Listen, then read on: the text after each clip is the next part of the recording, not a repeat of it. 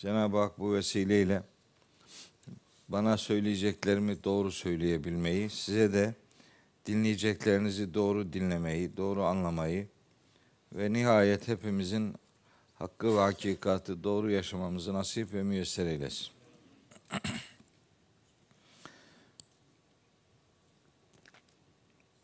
Bu sabaha yakın geldim. Hatay'daydım. Hatay'da Yayla Dağı'nda ve Hatay merkezde konferanslar verdim. Onun için böyle yorgun, argın, vücudumuz böyle bitmiş gibi, sesimiz tükenmiş bir şekilde öteye beriye koşuşturuyoruz da bu ne olacak bu anlamıyorum bu. Bu, bu gidiş pek iyi değil. Ya vücut da bize emanet çok hor kullanıyoruz bunu. Bir sürpriz yaparsa hiç şaşırmayacağım yani bu, bu, bu kadar yüklenilmez bir bedene. Yüklendik. Bir gönüle daha dokunabilir miyiz diye koşuşturuyoruz. Bir yüreğe daha vahyi e, iletebilir miyiz acaba? Onun davasında, çabasındayız. Bunun ötesinde hiç başka bir beklentimiz yok. Allah şahit. Ne bir takım adına, ne bir grup adına, ne bir klik adına, ne birileri adına herhangi bir adım değil. Ha Allah adına, Allah için yola çıkan bir insan olma çabası içerisindeyim. Allah şahit. Başka başka çabaların insanı kurtaramayacağı kanaatindeyim. O itibarla sözümüzü olabildiğince doğru söylemeye çalışıyorum. Bilerek bir hata yapmamaya özen gösteriyorum. Öyleyse hakikat dediklerimiz Allah'ın dedikleridir. Varsa hatalar, o hatalar bize aittir. Bizim yaptığımız hataları dinimizin hatası gibi haşa sunmak hiç kimsenin başvurmaması gereken bir durum. O itibarla ben hata yaptığım hatalar üstleniyorum. Ama Allah şahit bilerek hata yapmamak için çok özen gösteriyorum. İşte doğrular varsa onlar zaten Kitabullah'ın doğrularıdır. Onları dillendirmeye gayret etmek, dilimizi sözümüze şahit tutmaktır. Başka bir şey değil. O şahitliği Rabbim kabul buyursun diye dua ediyorum. Siz de tabi günün bu saatini belki dinlenme imkanı olarak değerlendirebilmenize değil, burada bulunmaya ayırıyorsunuz. Allahu Teala sayinizi meşgul etsin. Zembinizi mağfur etsin. Ticaretinizi lentebur eylesin inşallah. Niye buna amin demediniz? Bu güzel bir dua yaptım. Yani Kur'an'dan bir dua yaptım. Öyle ba- bana göre bir dua değil. Yani sayiniz meşgul olsun demek çok güzel bir duadır. Zembiniz mağfur olsun. Buna kim amin demez? Bütün günahlarımız bağışlansın demeye getiriyorum. Ticaretiniz lentebur olsun demek. Yani lentebur yok olup gitme, zarar ziyan görmeyen bir ticaret ki bu sevap ve ibadet anlamında amel defterini şenlik tutanların ticaretidir. Bu maddi dünyevi ticaret değildir elbette. Bu duaya amin denir.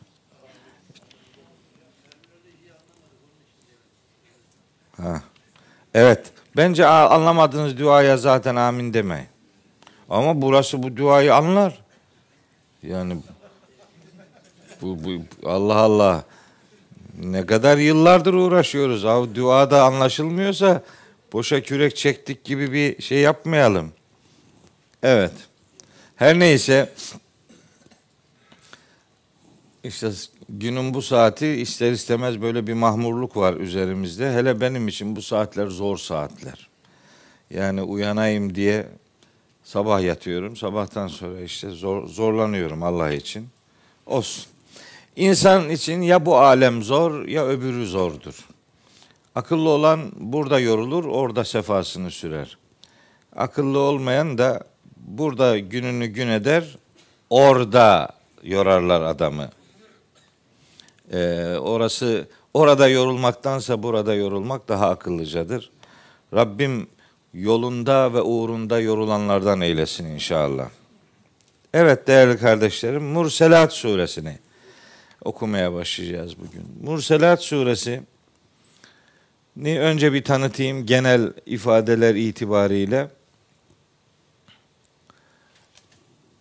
Biliyorsunuz iniş sırasına göre yaklaşık olarak iniş sırasına göre hoş yüzde yüz budur diye bir ifademiz yok. Bunu her zaman söylüyorum. İniş sırasına göre 35. sırada kabul edilen resmi sıralamadaki yeri 77. sure olan toplam 50 ayetlik Mekke'de indirilmiş bir sure. Surenin muhtevası oldukça çeşitlilik arz ediyor. Özetlemeye çalıştım. Bu surede önce bir yeminlerle başlıyor sure. Sonra son saatin mutlaka yaşanacağına dikkat çekiliyor. Daha sonra mahşerde yaşanacaklara değiniliyor. Kainat kitabından çeşitli ayetler sunuluyor. Cehennemin korkunç yapısına dikkat çekiliyor. Suçluların durumundan söz ediliyor. İyilerin ödüllerine dikkat çekiliyor. Hakka boyun eğişleri gündeme getiriliyor. Kur'an'dan başka bir söze iman etmeme uyarısıyla aslında sure sona erdiriliyor. Elbet 50 ayetlik bir sureyi benim performansımla bir derste bitirmek gibi bir e, iddiam yok. Hazırladığım e, kısım 19 ayetlik bölümünü hazırladım. O 19 ayetlik bölümünü, ilk bölümünü sizinle okumaya gayret edeceğim. Umarım bitirebilirim 19 ayeti. E, biraz çeşitlilik arz edecek bu dersin konusu. Kur'an metninin harika dizaynı bizi çeşitli ayetlere götürecek. O ayetlerden istifadelerimiz olacak ve sonuçta sureyi anlamaya gayret edeceğiz. Her zaman yaptığım gibi iniş sırasına göre sureleri takip etmemizin bir gereği olarak bundan önce okuduğumuz Hümeze suresi ile Murselat suresinin mutlaka bir anlam ilişkisi vardır. Hatta sadece iniş sırasına göre surelerin anlam ilişkisi değil, resmi sıralamada da surelerin anlam ilişkisi vardır. E, dolayısıyla bu anlam ilişkisini görerek vahyin takip etmek istediği bir mesaj e, bütünü olduğunu ihmal etmemek gerekiyor. Hümeze suresini hatırlayacaksınız. Bir önceki ders uzun uzadıya konuşmuş ve alaycılığın Müslümanların hayatında olmaması lazım geldiğini ve alaycılık yapanların nihayetinde hutame denen cehennemle cezalandırılacaklarını Cenab-ı Hak ifade ediyordu. Anlaşılıyor ki bir olumsuz insan tipi ve onun bir takım davranışlarına Rabbimiz dikkat çekiyordu. İşte o olumsuz insan tipi içeriği ile Mürselat suresinde belki bu ders olmayacak, sıra oraya gelmeyecek ama bir sonraki ders uzun oza diye konuşacağız. Cehennemliklerin nasıl bir akıbetle buluşacağı içeriği Mürselat suresine aşağı yukarı hakim bir içeriktir diyebiliriz. O içerik noktasında iki surenin birbirine benzeştiğini beyan etmiş olayım. Şimdi surenin ilk yedi ayetini önce okumak istiyorum. İlk yedi ayetini. Ondan sonra geri kalan kısmıyla devam edeceğim inşallah. İlk yedi ayeti Kur'an-ı Kerim'de başka bazı surelerde de örneğini gördüğümüz bir ifade biçimine sahiptir. Mesela Safat suresi böyle başlar. Ve safati saffen. Mesela Zariyat suresi böyle başlar. Ve zariyati zerven diye. Mesela Naziat suresi öyle başlar. Ve naziati gargan diye. Hatta Adiyat suresi de öyle başlar. Yani nasıl başlar? Şöyle. Allahu Teala bir takım nitelikleri gündeme getiriyor. Şahısları değil de nitelikler. Saf saf duranlar.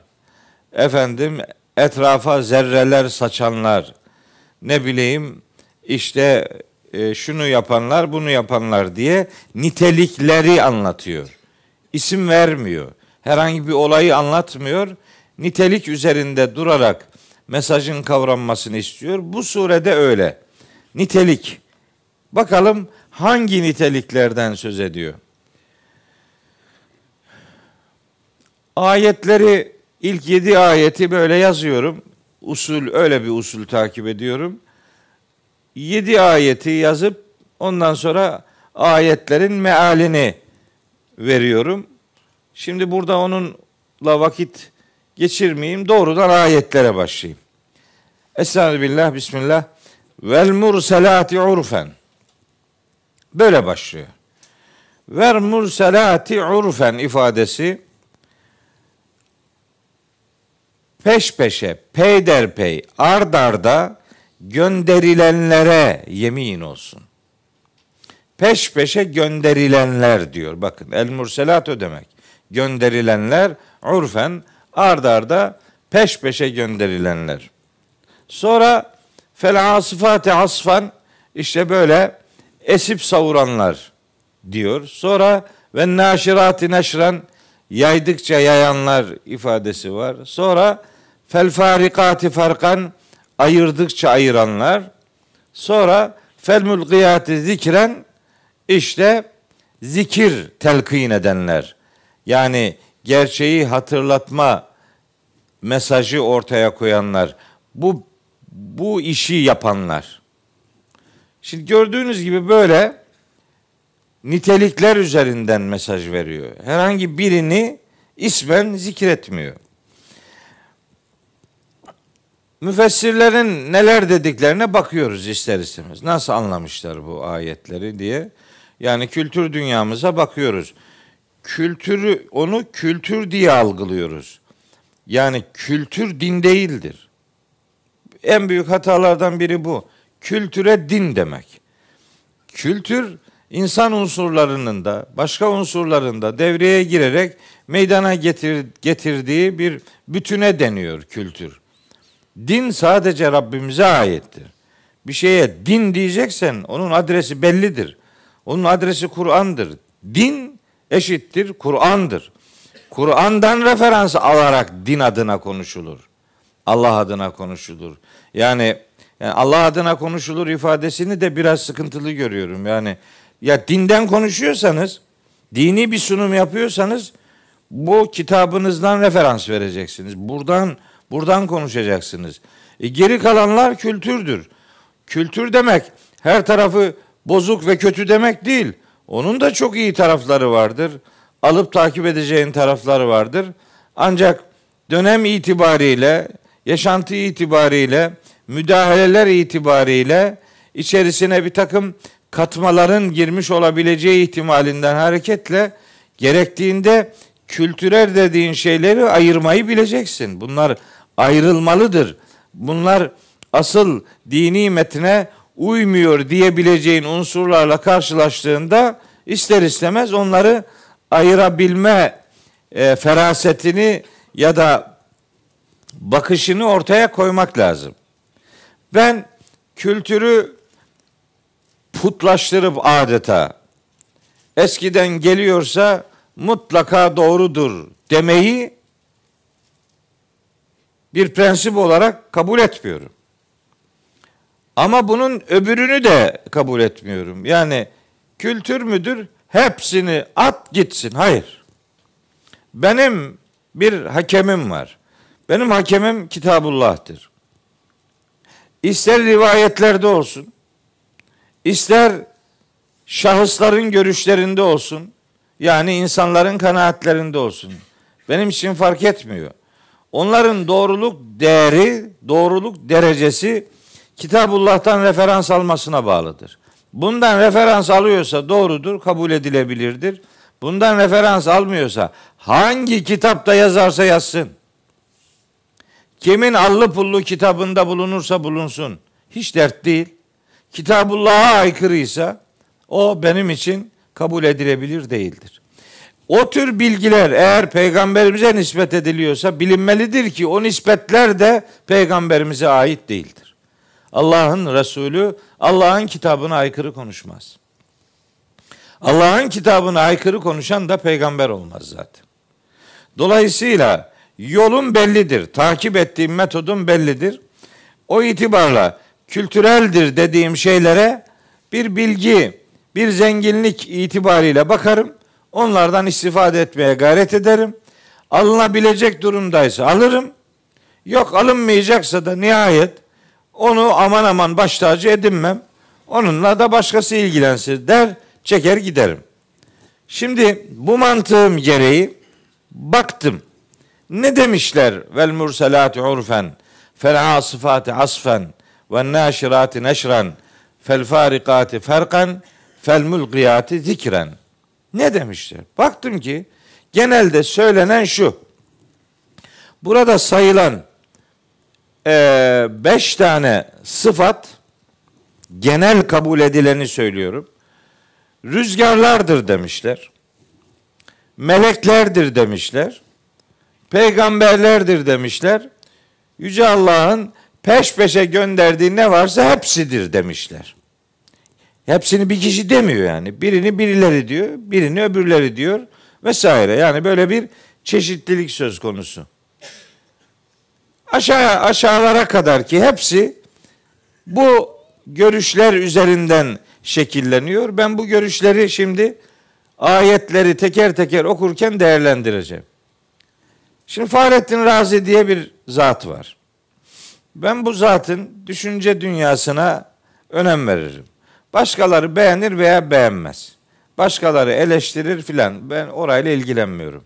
Dediğim gibi bir kültürel değer olarak bakar, düşünceleriyle kendimi buluşturmaya gayret ederim. Böyle bazı simalar var. Bunları önemserim ben.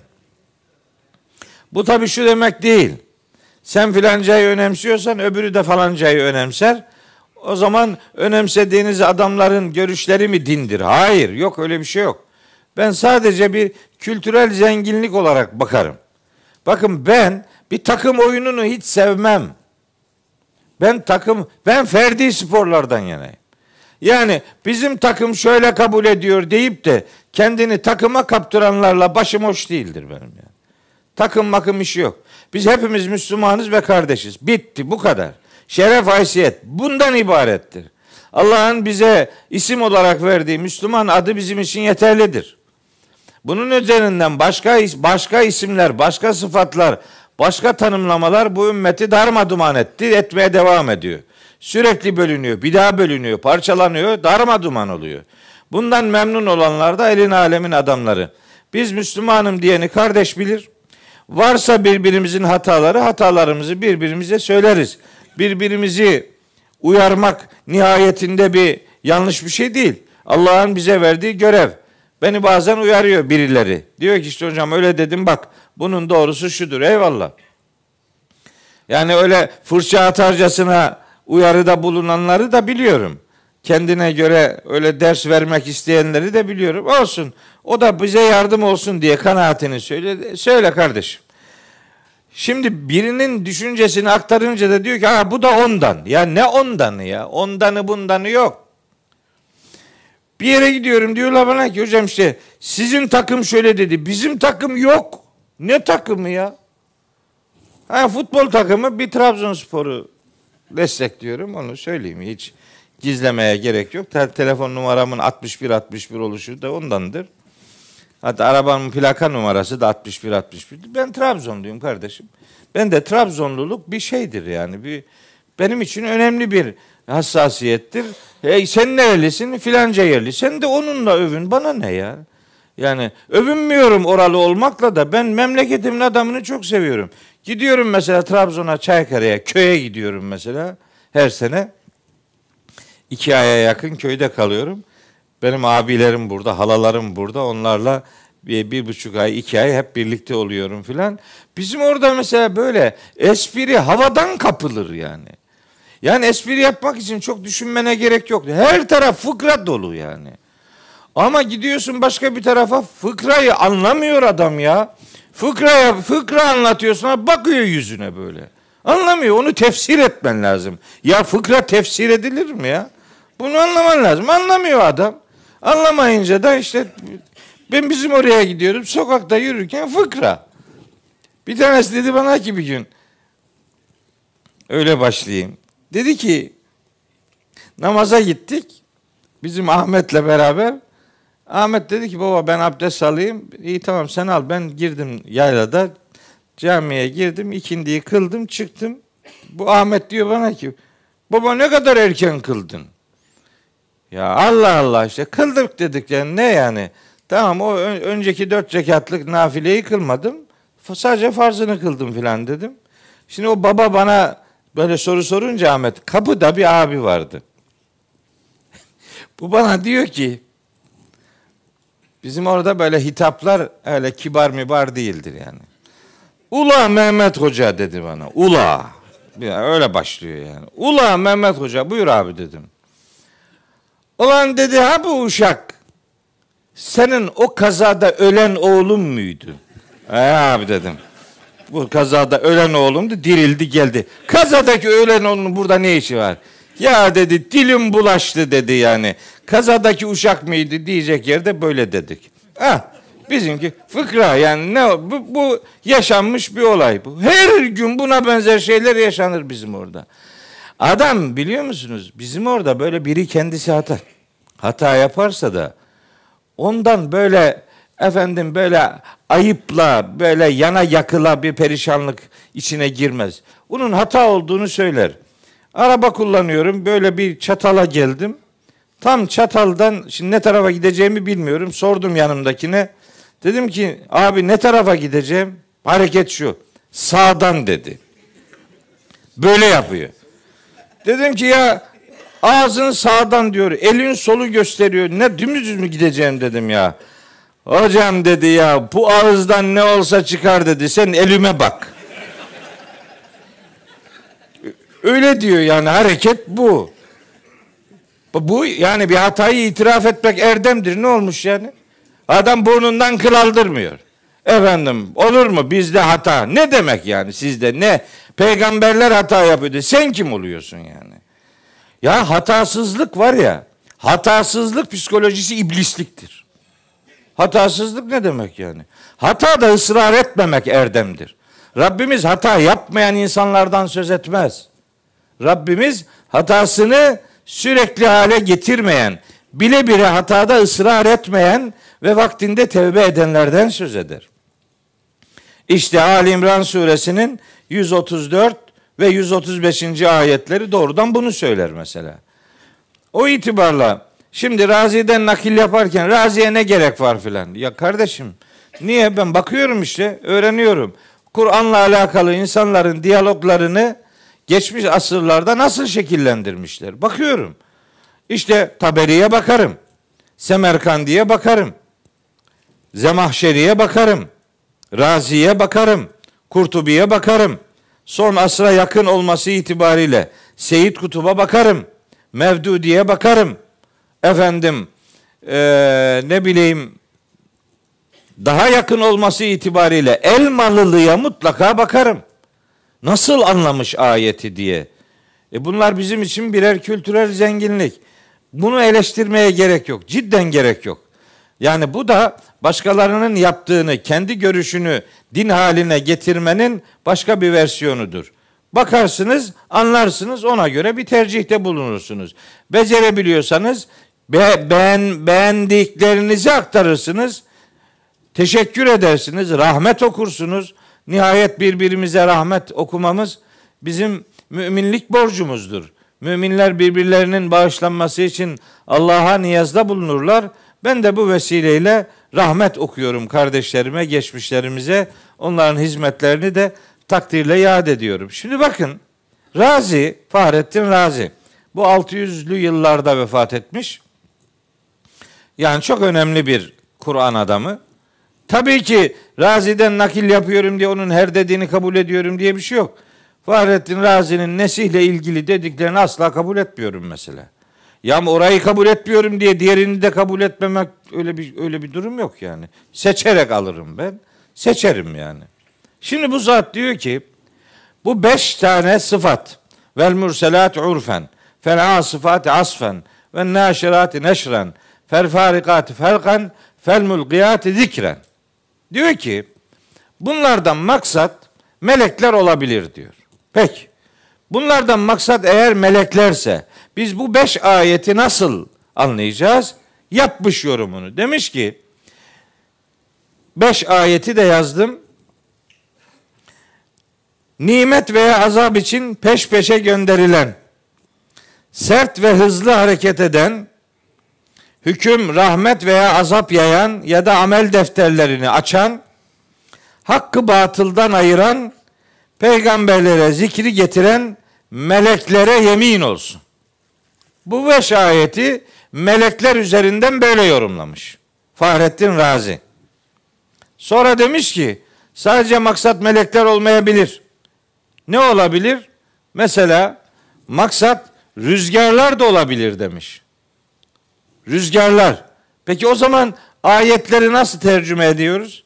Peş peşe gönderilen, sert esen, bitkileri veya bulutları yayan, Allah'ın dostları ile düşmanlarını ayıran, böylece felaket haberlerinin gelmesini sağlayan rüzgarlara yemin olsun. Rüzgar üzerinden beş ayeti yorumlamış. Sonra demiş ki maksat vahiy de olabilir. Fahrettin Razi ben bu vahiy olabilir görüşünü birazdan açacağım. Benim benimsediğim kanaat budur. Bunun üzerinden ayetleri anlamaya gayret ediyorum. Ne diyor? Tabi onları o görüşü ayetlerle destekleyeceğim. Sırf benim kanaatimdir diye değil. Benim benim kanaat ben kimim yani? Ne kanaati yani? Allah ne dediyse odur. Ayetlerin ayetlerle buluşmasını sağlarsan bunun bu yapılan iş doğrudur. Yoksa Ahmet öyle dedi, Hasan da böyle dedi. Ne yapalım? Hüseyin başka bir şey der yani. Bu ayetleri konuşturmaktır esas olan. Bu arada başka neler söylenmiş onları da hatırlatıyoruz. Vahiy olabilir. Buna göre Hazreti Peygamber'e peyderpey gönderilişine vahyin, diğer inançları bastıran gücüne, hakikati her tarafa yayan mesajlarına, hakkı batıldan ayıran özelliğine ve öğüt veren yapısıyla vahye yemin olsun. Böyle bir bakış ortaya koymuş. Ben bunu açacağım birazdan. Maksat peygamberler de olabilir. Eğer öyleyse iyi, doğruyu getirenlere, risaletle güçlenip üstün gelenlere, dini gerçekleri yayanlara, tevhid ile ilhadı yani iman ile inkarı ayıranlara ve zikre davet eden peygamberlere yemin olsun. Böyle de bir izah yapılabilir demiş. Sonra beşinci olarak başka bir şey daha söylemiş. Neyse hepsini teker teker hatırlatmış olayım. Ondan sonra bu ayetler aslında bir bakalım Kur'an içerisinde nelere gönderme yaparak bir mesaj veriyor ona bakalım. Yani şimdi biz Kur'an ayetlerini ayetlerle buluşturalım. Allahu Teala bir şey dediyse elbette onun orasında burasında bir yerde ona gönderme vardır yani. Onu bulmaktır zaten tefsir odur başka bir şey değil. Vel murselati urfen. Urf kelimesi urfen bu kelime peyderpey ard arda manasına geliyor. Peyderpey ard arda peş peşe. Mürselat da gönderilenler demektir. Öyleyse anlaşılıyor ki ard arda gönderilenler ifadesi vahyin 23 yıllık gönderilme sürecini hatırlatıyor. Biz bunun Furkan suresinin 32. ayetinde karşılığını biliyoruz.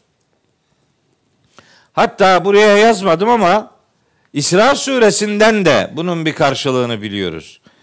Furkan suresinde Rabbimiz buyuruyor ki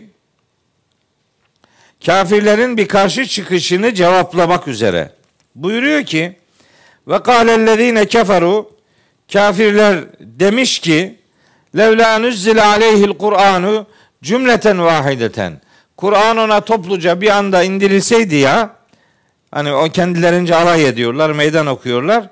Rabbimiz buyuruyor ki kedalike haklısınız. Böyle de olabilirdi. Fakat öyle yapmadık. Nasıl? Niye böyle peyderpey? Linüsebbite bihi fuadeke. Vahiy ile senin kalbini dayanıklı hale getirelim diye. Bunun için verattelnahu tertile onu yavaş yavaş okuduk. Ağır ağır okuduk. Bakın ağır ağır peyderpey peş peşe gönderilmek Furkan suresi 32. ayetten bir referansa sahiptir. Ayrıca İsra suresinin 106. ayetinde de Rabbimiz buyuruyor ki ve Kur'anen faraknahu litakra'ahu alen nasi ala muksin. Bu Kur'an'ı parça parça, bölüm bölüm yani kısım kısım indirdik. Bunu böyle yaptık. Litakra'ahu alen nasi ala muksin. Onu insanlara ağır ağır okuyasın diye. Yani topluca bir anda da bu kitap gelebilirdi elbet. Allah'ın buna da kadir olduğunda zerre şüphe yok. Fakat neden bunu zamana ayırdı? Neden bunu 23 yıla yaydı? Çünkü onun ağır ağır okunması lazım. Çünkü Kur'an'ın indiriliş gayesi insanların herhangi bir metinle buluşturulması değil. Kur'an'ın hayatı dokuması ve hayatı okumasıdır. Kur'an onun için indirilmiştir. Hayatı dokuyacak, hayata okunacak, hayata aktarılacak. Onun için peyderpey inmesi gerekiyordu. Rabbimiz bunun üzerinden onu zamana yayarak insanların onunla böyle bir iletişim, sıcak ve doğru iletişim kurmasını amaçladığını kendisi işte hem İsra suresinin 106. ayetinde hem de Furkan suresinin 32. ayetinde açıkça ifade buyuruyor. Hatta Kur'an'ın böyle peyderpey indirilişine bizim tefsirde bir kavram e, kullanılır. Buna tencimul Kur'an derler. Tencimul Kur'an, Kur'an'ın peyderpey indirilişi. Yani tencim kelimesi necim kelimesinden geliyor. Necim yıldız demektir. Tencim aslında yıldızlamak demektir. Yıldızlaştırmak yani yıldızla buluşturmak anlamına gelir. Asasında Kur'an'ın isimlerinden biridir Necim aslında. Yıldız nasıl ki karanlıkları şey yapıyorsa, deliyorsa nasıl ki karanlıkları delip geçiyorsa yıldız vahiy de şirk, inkar, küfür karanlıklarını da öylece deler bir aydınlık sunar. O itibarla bu hususiyeti özellikle ıskalamayalım isterim. Bakın aslında başka ayetler de aklıma geliyor ama böyle giderse hiç bitiremeyeceğim. Bu kadarını söyleyeyim. Vel murselat urfen. Bu beş ayetteki mesajın vahiy olduğunu, vahiy olduğu üzerinden bir sunum yapmak istiyorum. Birincisine bunu diyorum. Gördüğünüz gibi bir ayetle, birkaç ayetle buluşturarak bunu söylüyorum. İkincisi fel asıfati asfen. El asıfat kelimesi vahyin aslında gönüllerde yaptığı şeydir. Bu Arapçada böyle aynı kökten kelimeler yan yana kullanılırsa o bir işin çok güçlü tam anlamıyla olması gerektiği gibi yapıldığını gösterir. Bunun cümle halindeki Arapçadaki karşılığına işte mef'ulü mutlak derler. Yani fiille mef'ul aynı cinsten kelimeyle karşılanır. Bu bazen sıfat ifadelerinde de burada olduğu gibi görülür. Aynı kelime el asıfati asfen. Böyle gelirse o iş tam kamil anlamıyla yapılıyor demektir. Yani anlamı ne, maksadı ne? İşte onun tercümesini yaparken de ifade ettim. Fel asıfati asfen işte esip savuran, söküp çıkaran gibi anlamlar veriyor. Peki vahiy neyi söküp çıkarır? Vahyin söküp çıkardığı şey insanların kalplerinde sakladıkları küfür, inkar, şirk gibi unsurlardır.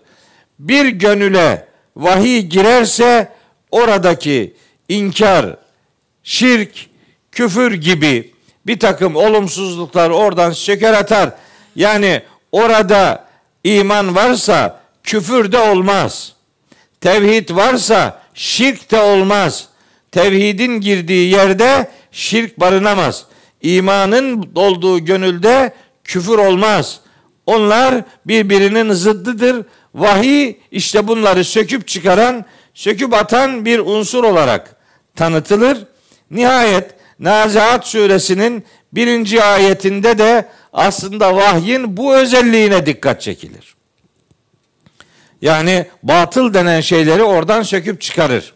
Şimdi bakın çok ince bir şey söyleyeceğim. Yani böyle sadece meale bakmakla işin bitmeyeceğini yani daha daha oturaklı şeyler bilmek lazım geldiğini ortaya koyma bakımından çok önemli bir şey söyleyeceğim. Dikkatinizi istirham ediyorum. Birinci ayette vel murselati diye vavla başladı. Vel murselati. İkinci ayette fel asıfati dedi. Aslında beklenirdi ki o da vav olsun. Vel asıfati asfen olsun. Ama vav değil işte kardeşim. Fe. Fe ise fe vav'dan daha farklı bir anlam verir arkadaşlar. Vav doğrudan yemin manası verir. İşte şunlara yemin olsun der. Fe ise kendisinde vava göre biraz daha sonuç, akıbet, nihayet manası vardır F'de. Thümme'de bu biraz daha yoğundur edatlarda. Bu anlamından dolayı bir şeyin sonucunda manasını içerdiği için o bir harf. O F harfi. Fel asfate asfen. O öyle bir anlam inceliği meydana getirdiği için aslında fa edatı birinci ayetteki peyderpey gönderilen o vahiyler adeta rüzgar gibi gelen o vahiyler insan hayatında insanın gönlündeki bir takım olumsuzlukları da oradan söküp atar demektir. Yani birinci ayette yemine, ikinci ayette onun insan üzerindeki etkisine dikkat çeker. İkinci ayetin başında vav olmamasının muhtemel sebebi budur. Peyderpey gönderilen vahiyler ve onları rüzgar gibi savurup çıkaran onun etkinliğine Allahu Teala dikkat çekiyor olabilir. Buradaki fa edatının kalplerdeki inkarı vahyin söküp çıkarıcılığına dair bir sonuç veren mana katkısı vardır. O bir harften oluşan edatın cümleye katkısını görmezlikten gelmemek gerekir. 3. Ve naşirati neşren. Naşirati neşren. Naşir, neşr. Hani gündelik hayatta da kullanıyoruz işte. Kitaplar neşrediliyor. Naşir, neşreden, yayan, açan, işte dağıtan gibi anlamlara gelen bir ifade. En naşirati neşren. Bakın aynen iki kelime de aynı kökten geliyor. Böyle özellikle kullanılıyor. Hani yaydıkça yayanlar, bunu tam gerçekleştirenler, nihayetinde fonksiyonunu tam icra edenler anlamını göreceğiz. Bakın yaydıkça yayanlar bu vahyin bir özelliği olarak kabul edilebilir. Vahyin bir özelliği olarak kabul edilmesi gerektiğini ortaya koyan delillerden bir tanesi mesela Zariyat suresinin birinci ayetidir. Ve zariyati derven ayetinde verilmek istenen mesaj böyle zerreler halinde adeta hayatın bütün kılcal damarlarına vahyin dokunuşunu ifade eder. Öyle bir anlam açılımı vardır ve naşirati neşren ifadesinin. Sonra fel farikati farkan el farikati farkan fark, faruk, tefrik, teferruk gibi kelimeler hep aynı kökten geliyor. Ayıranlar demek. Ayıranlar. Mesela ve la teferraku ayrılmayın, bölünmeyin, parçalanmayın ifadesi geçer bu kökten bir kelime. Allahu Teala mesela dinde ayrılığı şiddetle reddeder. Minellezine ferraku dinehum ve kanu şia. Dinlerini ayırıp bölük pörçük edenler sonra kendileri de grup grup bölünenler var ya senin onlarla hiçbir işin yoktur der En'am suresi 159. ayette. Ayrılmak. Bunun bir ayırmak manası da var. Ayrılmak manası bir kalıbın, yeni bir kalıbın karşılığıdır. Ayırmak manası da var. Mesela Faruk ayıran demektir. Furkan Kur'an'ın isimlerinden biridir. Furkan. Furkan ne demek? Din adına, hakikat adına doğruyu yanlıştan ayırt eden şey demektir. Onun için Kur'an'ın bir adı da Furkan'dır. Furkan olan Kur'an'a tabi olursanız muttaki olursunuz. En'am suresi 155. ayet. Furkan olan Kur'an'a tabi olursanız muttaki olursunuz. Enfal suresi 29. ayete göre de muttaki olmayı başarırsanız Allah sizin için bir Furkan daha yaratır. İlişkiyi görüyor musunuz? Ne acayip şeyler söylüyor Rabbimiz. Önce En'am suresi 155'te diyor ki bak muttaki olmanın yolu Furkan olan Kur'an'a tabi olmaktan geçer. Buna tabi olmazsanız muttaki olamazsınız. Bu bu demek gayet açık. Öyle elin alemin adamının takva şartı efendim takva listesi muttakilik görüntüsü sunmalarına aldanmayın. Kimin muttaki olduğunu takvayı değerlendirecek olan Rabbimiz bilir. Onları anlatmış kitabında. Bakara suresi 2 5. ayetler. Bakara suresi 177. ayet. Ali İmran suresi 133, 134, 135. ayetler. İşte ne bileyim Zariyat suresi 15, 16, 17, 18. ayetler vesaire. Kimin muttaki olduğunu muttakiliği değerlendirecek olan Rabbimiz bilir. İşte o takva sahibi olmanın yolunu Kur'an'a tabi olmak diye belirler. Ve hada kitabun enzelnahu mübarekün fettebi'uhu bu sana indirdiğimiz kitap bir bereket kaynağıdır. Bu kitaba tabi olun. Bu tabi olun ifadesi başka ayetlerde de geçiyor. İttebi'u ma unzile ileyküm min rabbikum. Araf suresi 3. ayet. Rabbinizden size indirilene tabi olun. Sonra bir daha bir şey daha söylüyor. Ve la tettebi'u min dunihi evliya. O ve onun dışında başka şeyleri dostlar edinmeyin. Yani sizi dini anlamda şekillendirecek olan sizin Furkanınız Kur'anınız olsun demeye getiriyor. Furkanınız Kur'anınız olsun. Rabbimizin isteği budur. Hatta hat, bu vesileyle bir şey daha söyleyeyim. Tam sırası geldi. Belki biraz hafif dağılıyor anlatacağım şeyler ama o, ne yapalım? Olsun. Ali İmran suresinin bak 79. ayeti var. Ali İmran suresi 79'u çok severim. Hepsini severim.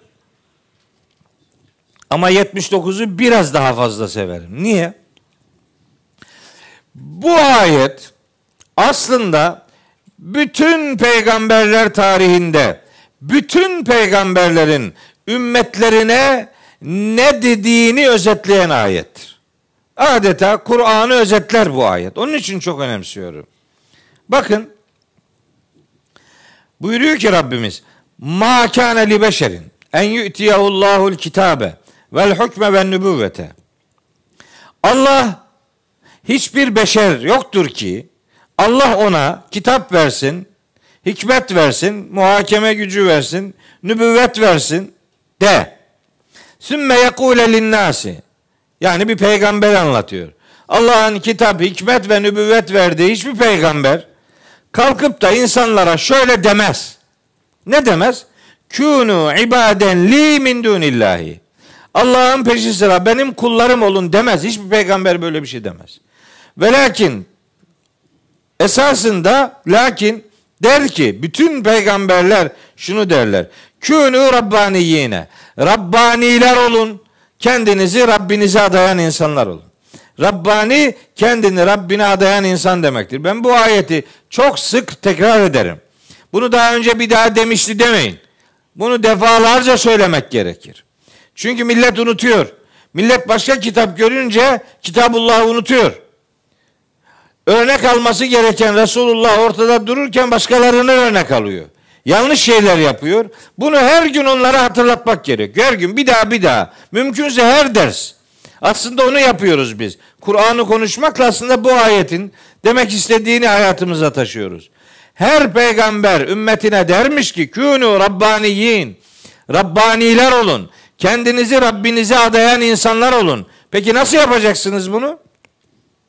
Bima kuntum tuallimunel kitabe. Bu kitabı talim edeceksiniz.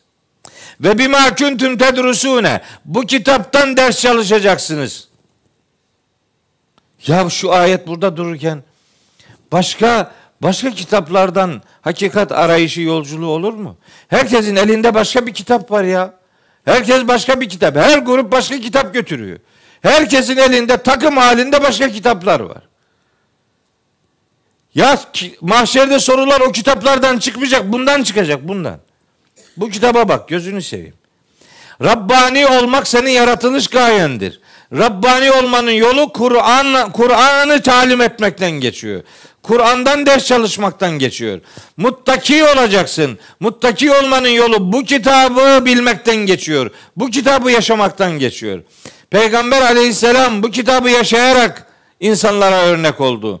O ilk nesil sahabiler Kur'an'ı yaşama gayretiyle adlarını tarihe altın harflerle kaydettirdiler.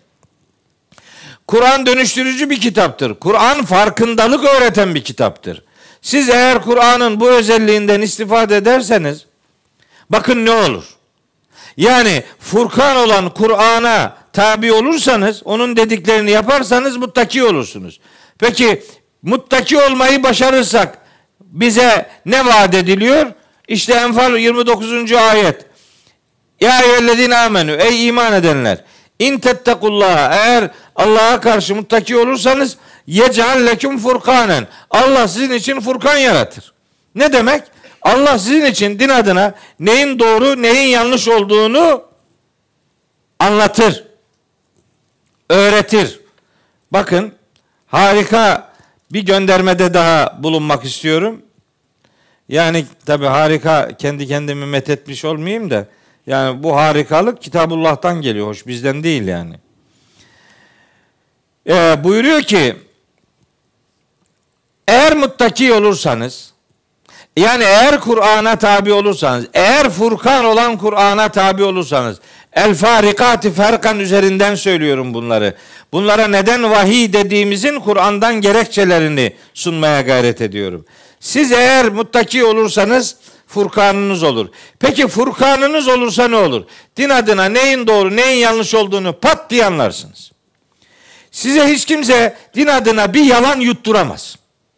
Eğer Kur'an'ı bilirseniz size yalan yutturulamaz. Kurtuldunuz o yalanlardan. O de, fitne, fücur, hikaye, masal, ne dini hiçbir referansı olmayan, insanların dilinde e, nesilden nesile aktarılan bir takım bir takım uydurmaları din diye size yutturamazlar.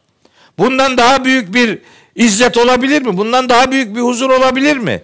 O dediğin şey filanca ayete aykırıdır demenin ne kadar büyük bir huzur olduğunu bazıları bunu es- esasında haddini aşmak diye ifade ediyor. Onlar Kur'an'ı bilmediği için, onların Kur'an'dan haberi olmadığı için, onların Kur'an'la irtibatı ölüler üzerinden yürüdüğü için, ölüler üzerinden yürüdüğü için onlar Kur'an'ı ölülere ve mezarlığa o kadar indirgetmiş oldukları için onlara ayetleri okuduğunuz zaman hem de tercümesini yaptığınız zaman onlar uyurlar. Onlar ölü gibi davranırlar. O kadar ölülerle ilişkilendirilmiştir ki Kur'an. Anlamını söylüyorsun uyuyor. Ölü numarası yapıyor. Kur'an adamı uyutmaz. Kur'an uykuları kaçıran bir kitaptır. Kur'an sana farkındalık öğretir. Bunun nasıl bir izzet olduğunu bilenler bilirler. Bir şey anlattım mı? Ay arkadaş bak o filanca ayete aykırıdır bir kere iki kere de ondan sonra sana daha din satamaz o. Ayet duyunca cin çarpmışa dönüyor. Suratının coğrafyası değişiyor.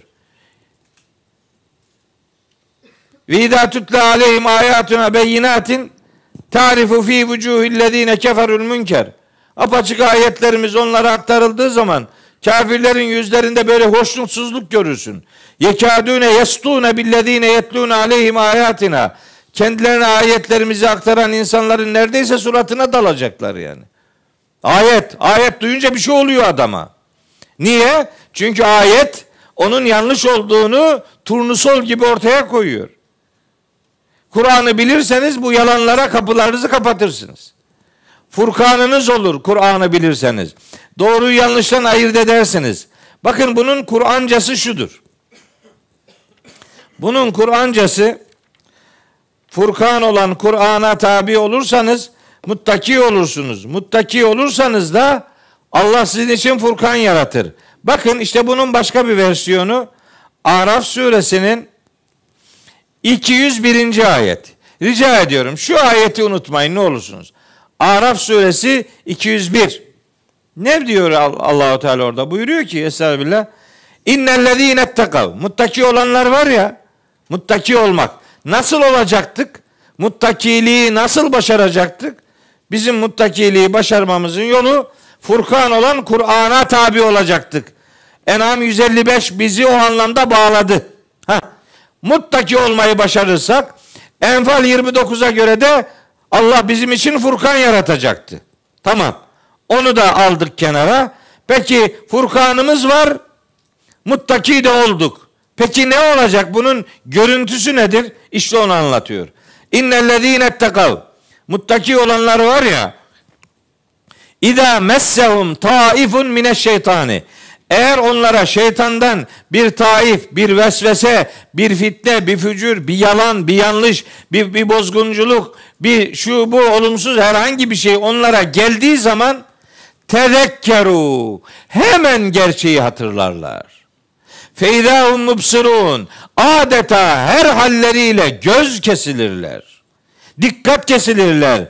Bir basiret onlarda hemen kendini gösterir. Yani muttakiyseniz ve takvanız Kur'an'dan elde edilen bir geçmişe sahipse size şeytan unsuru bu şeytan cinlerden olan şeytan olmak zorunda değil. Şeytanın nasıl tehlikeli olanı insanlaş, insan suretindeki şeytanlardır. Değil mi? Böyle bir Taif, as, Taif şeyde de geçiyor. Kalem suresinde de geçiyor. Tavaf var ya tavaf. Tavaf, taif kelimesi aynı kökten geliyor. Dönmek, tavaf etmek, dönmek anlamına geliyor ya. O taif de aslında döne döne, döne döne işte e, bahçeyi felakete sürükleyen o boran, kasırga dönüyor. Dönerek yok ediyor yani. Bu şeytandan gelenler de bu taif, o taif çok ciddi bir kelime. Böyle evirip çevirip döndürüp dolaştırır seni. Seni pervaneye çevirir. Savrulursun haberin bile olmaz yani. Felaketin en büyüğü savrulduğunu anlamamaktır.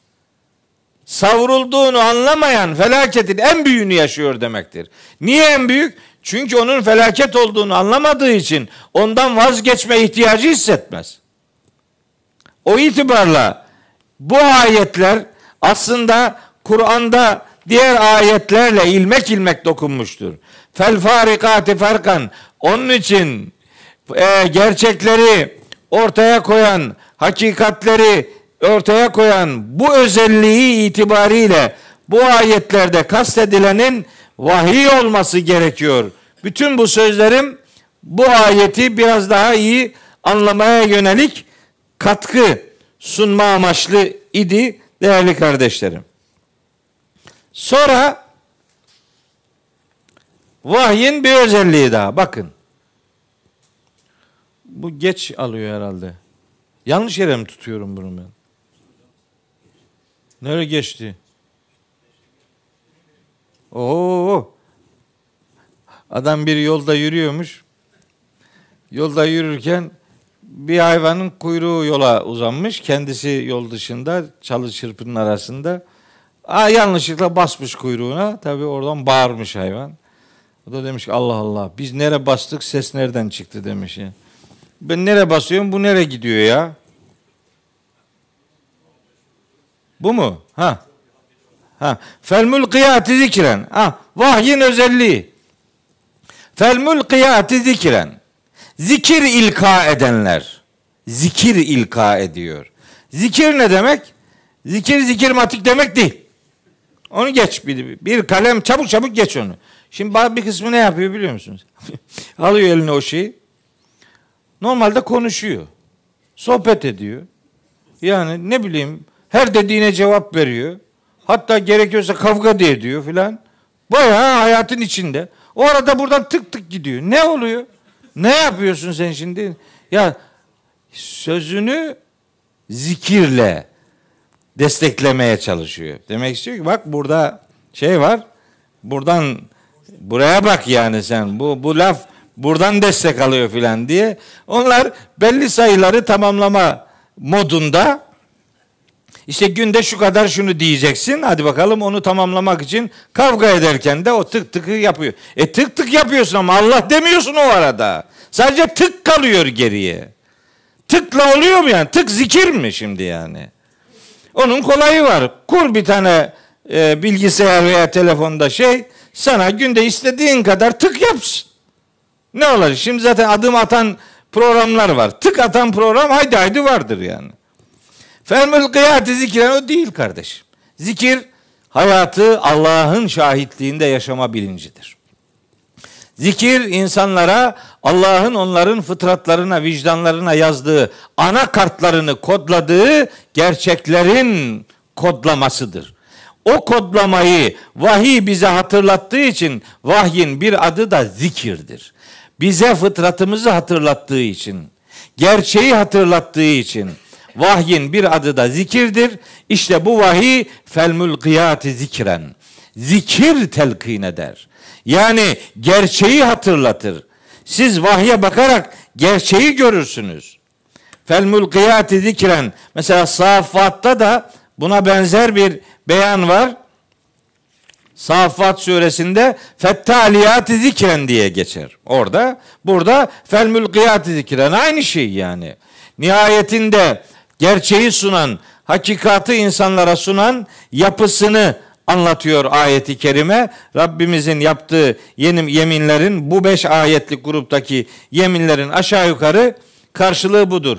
Bakın burada bir şey daha hatırlatmak istiyorum. Fel mulkiyat zikren bu mülkiyat kelimesine vahiy ile ilişkili bir mana vermek kendi tercihim filan değil. Kendi kafamdan üretmiyorum. Bundan Allah'a sığınırım. Bana görelik üzerinden konuşmuyorum asla. Bu, bu ifade mülkiyat bu kalıpta değil ama aynı kökten gelen başka bir fiil kalıbında e, Müzzemmil suresinin 5. ayetinde buyuruyor ki Rabbimiz inna senülki aleyke kavlen sekila. Biz yakında sana ağır bir söz ilka edeceğiz. Ağır bir söz ilka etmek, ağır bir söz vermek, ağır bir söz bırakmak, ağır bir söz vahyetmek demektir. İşte zikrin ilka edilmesi demek muhatabın işte vahiy ile onun gerçeği hatırlatan unsurlarıyla buluşuyor olmak demektir. Fel mulkiyati zikren vahiy bu anlamda ağır bir içeriğe sahiptir.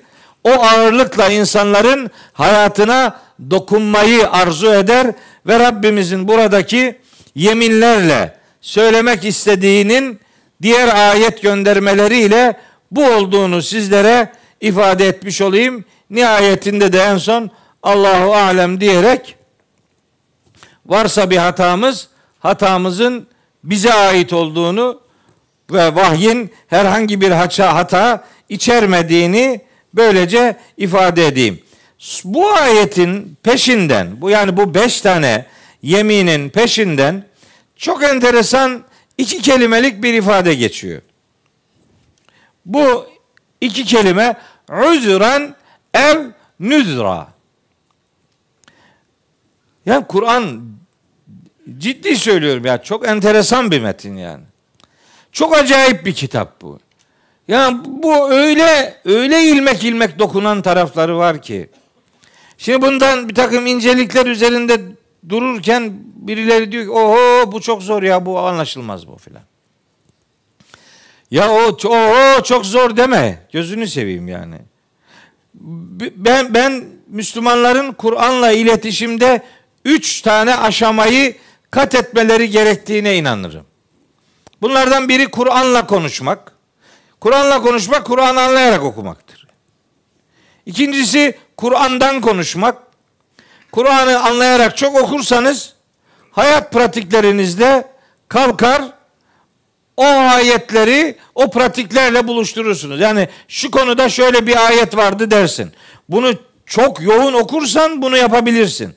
Bunun adına Kur'an'dan konuşmak derler. Hayat pratiklerini Kur'an'la buluşturmak derler. Ama bir aşaması daha var bunun. Kur'an adına konuşmak. Yani bir konuda Kur'an'ın ne dediğini, Kur'an şunu diyor diyebilmek. İşte bunu diyebilmek için Kur'an'ın tamamını bilmen gerekiyor.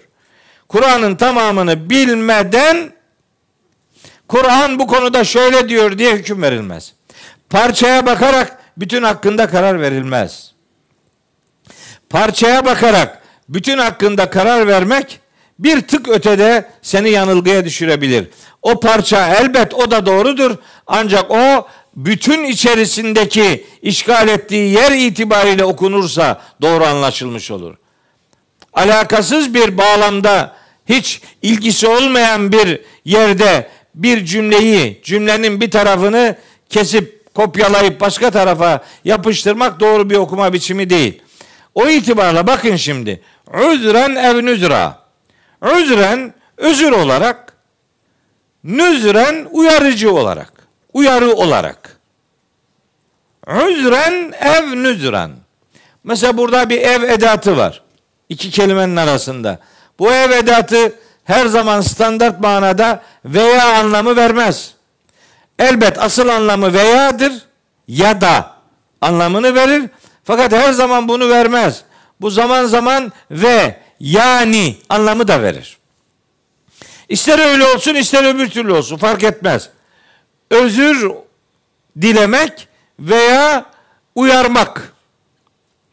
Özür uyarı. Ne ile alakalı bu? Bir ihtimal bu özür ve nüzür ifadesi özür ve nüzür ifadesi beş ayeti özetleyebilir bir taraftan bir taraftan da sadece beşinci ayeti de nitelendirebilir. Metin bu ikisine de müsaittir. Eğer beş ayeti birden nitelendiriyorsa özür, özrümüz olsun. Ne demek? Hakikati bilenler hakikat adına yapılması gerekeni yaptıklarında Rabbimize kalkar derler ki ya Rabbi ben işte gerekeni yapmaya çalıştım. İşte özrüm budur. Eğer eksik kaldıysa eyvallah. Ama nihayetinde yapılması gerekeni yapmaya çalıştım der. Uyarmak insanların hem özür durumunu hem uyarma ile alakalı pozisyonunu ortaya koymak üzere size iki tane ayet hatırlatmak isterim. Bakın bunlardan bir tanesi En'am suresinin 69. ayeti. Ve ma alellezine yettekune muttaki olanların üzerinde yoktur. Min hisabihim min şeyin hakikatten istifade etmek istemeyenlerin hesabı noktasında takva sahipleri üzerine herhangi bir şey yok. Peki ne var? Velakin zikra sadece gerçeği hatırlatma var. Leallehum yettekun. Belki muttaki olurlar. Bizimki diyor ki bu anlamaz buna bir şey demeye gerek yok. Hayır yok. Öyle bir şey yok. Bu anlamaz buna bir şey demeye gerek yok demek gaybı bilmektir. Öyle bir şey yok. Siz görevinizi yaparsınız. Israr etmezsin o kadar. Veya tebliğinin metodunu değiştirirsin, anlatma stilini değiştirirsin, ses tonunu değiştirirsin, kullandığın materyalleri değiştirirsin vesaire. Ama hakikat mutlaka ilgililere hatırlatılmalıdır hatırlatmadan bu bundan anlamıyor, buna bir şey demeye gerek yoktur gibi bir yargılama gaybı bilmek, kalbi okumak gibi tehlikeli bir durum meydana getirir. İşi oraya vardırmamak lazım. Biz görevimizi yaparız. Hatta Araf suresinde öyle geçer. Bir grup bir grubu uyarınca Üçüncü bir grup uyaranlara demiş ki ne gerek var bunları uyarıp duruyorsunuz? Ne lüzumu var yani? Bunlar zaten Allah'ın azap edeceği, şiddetli bir şekilde kendilerini helak edeceği adamlar. Bunlara niye bir şey diyorsunuz? Bakın Araf suresi 164. ayet.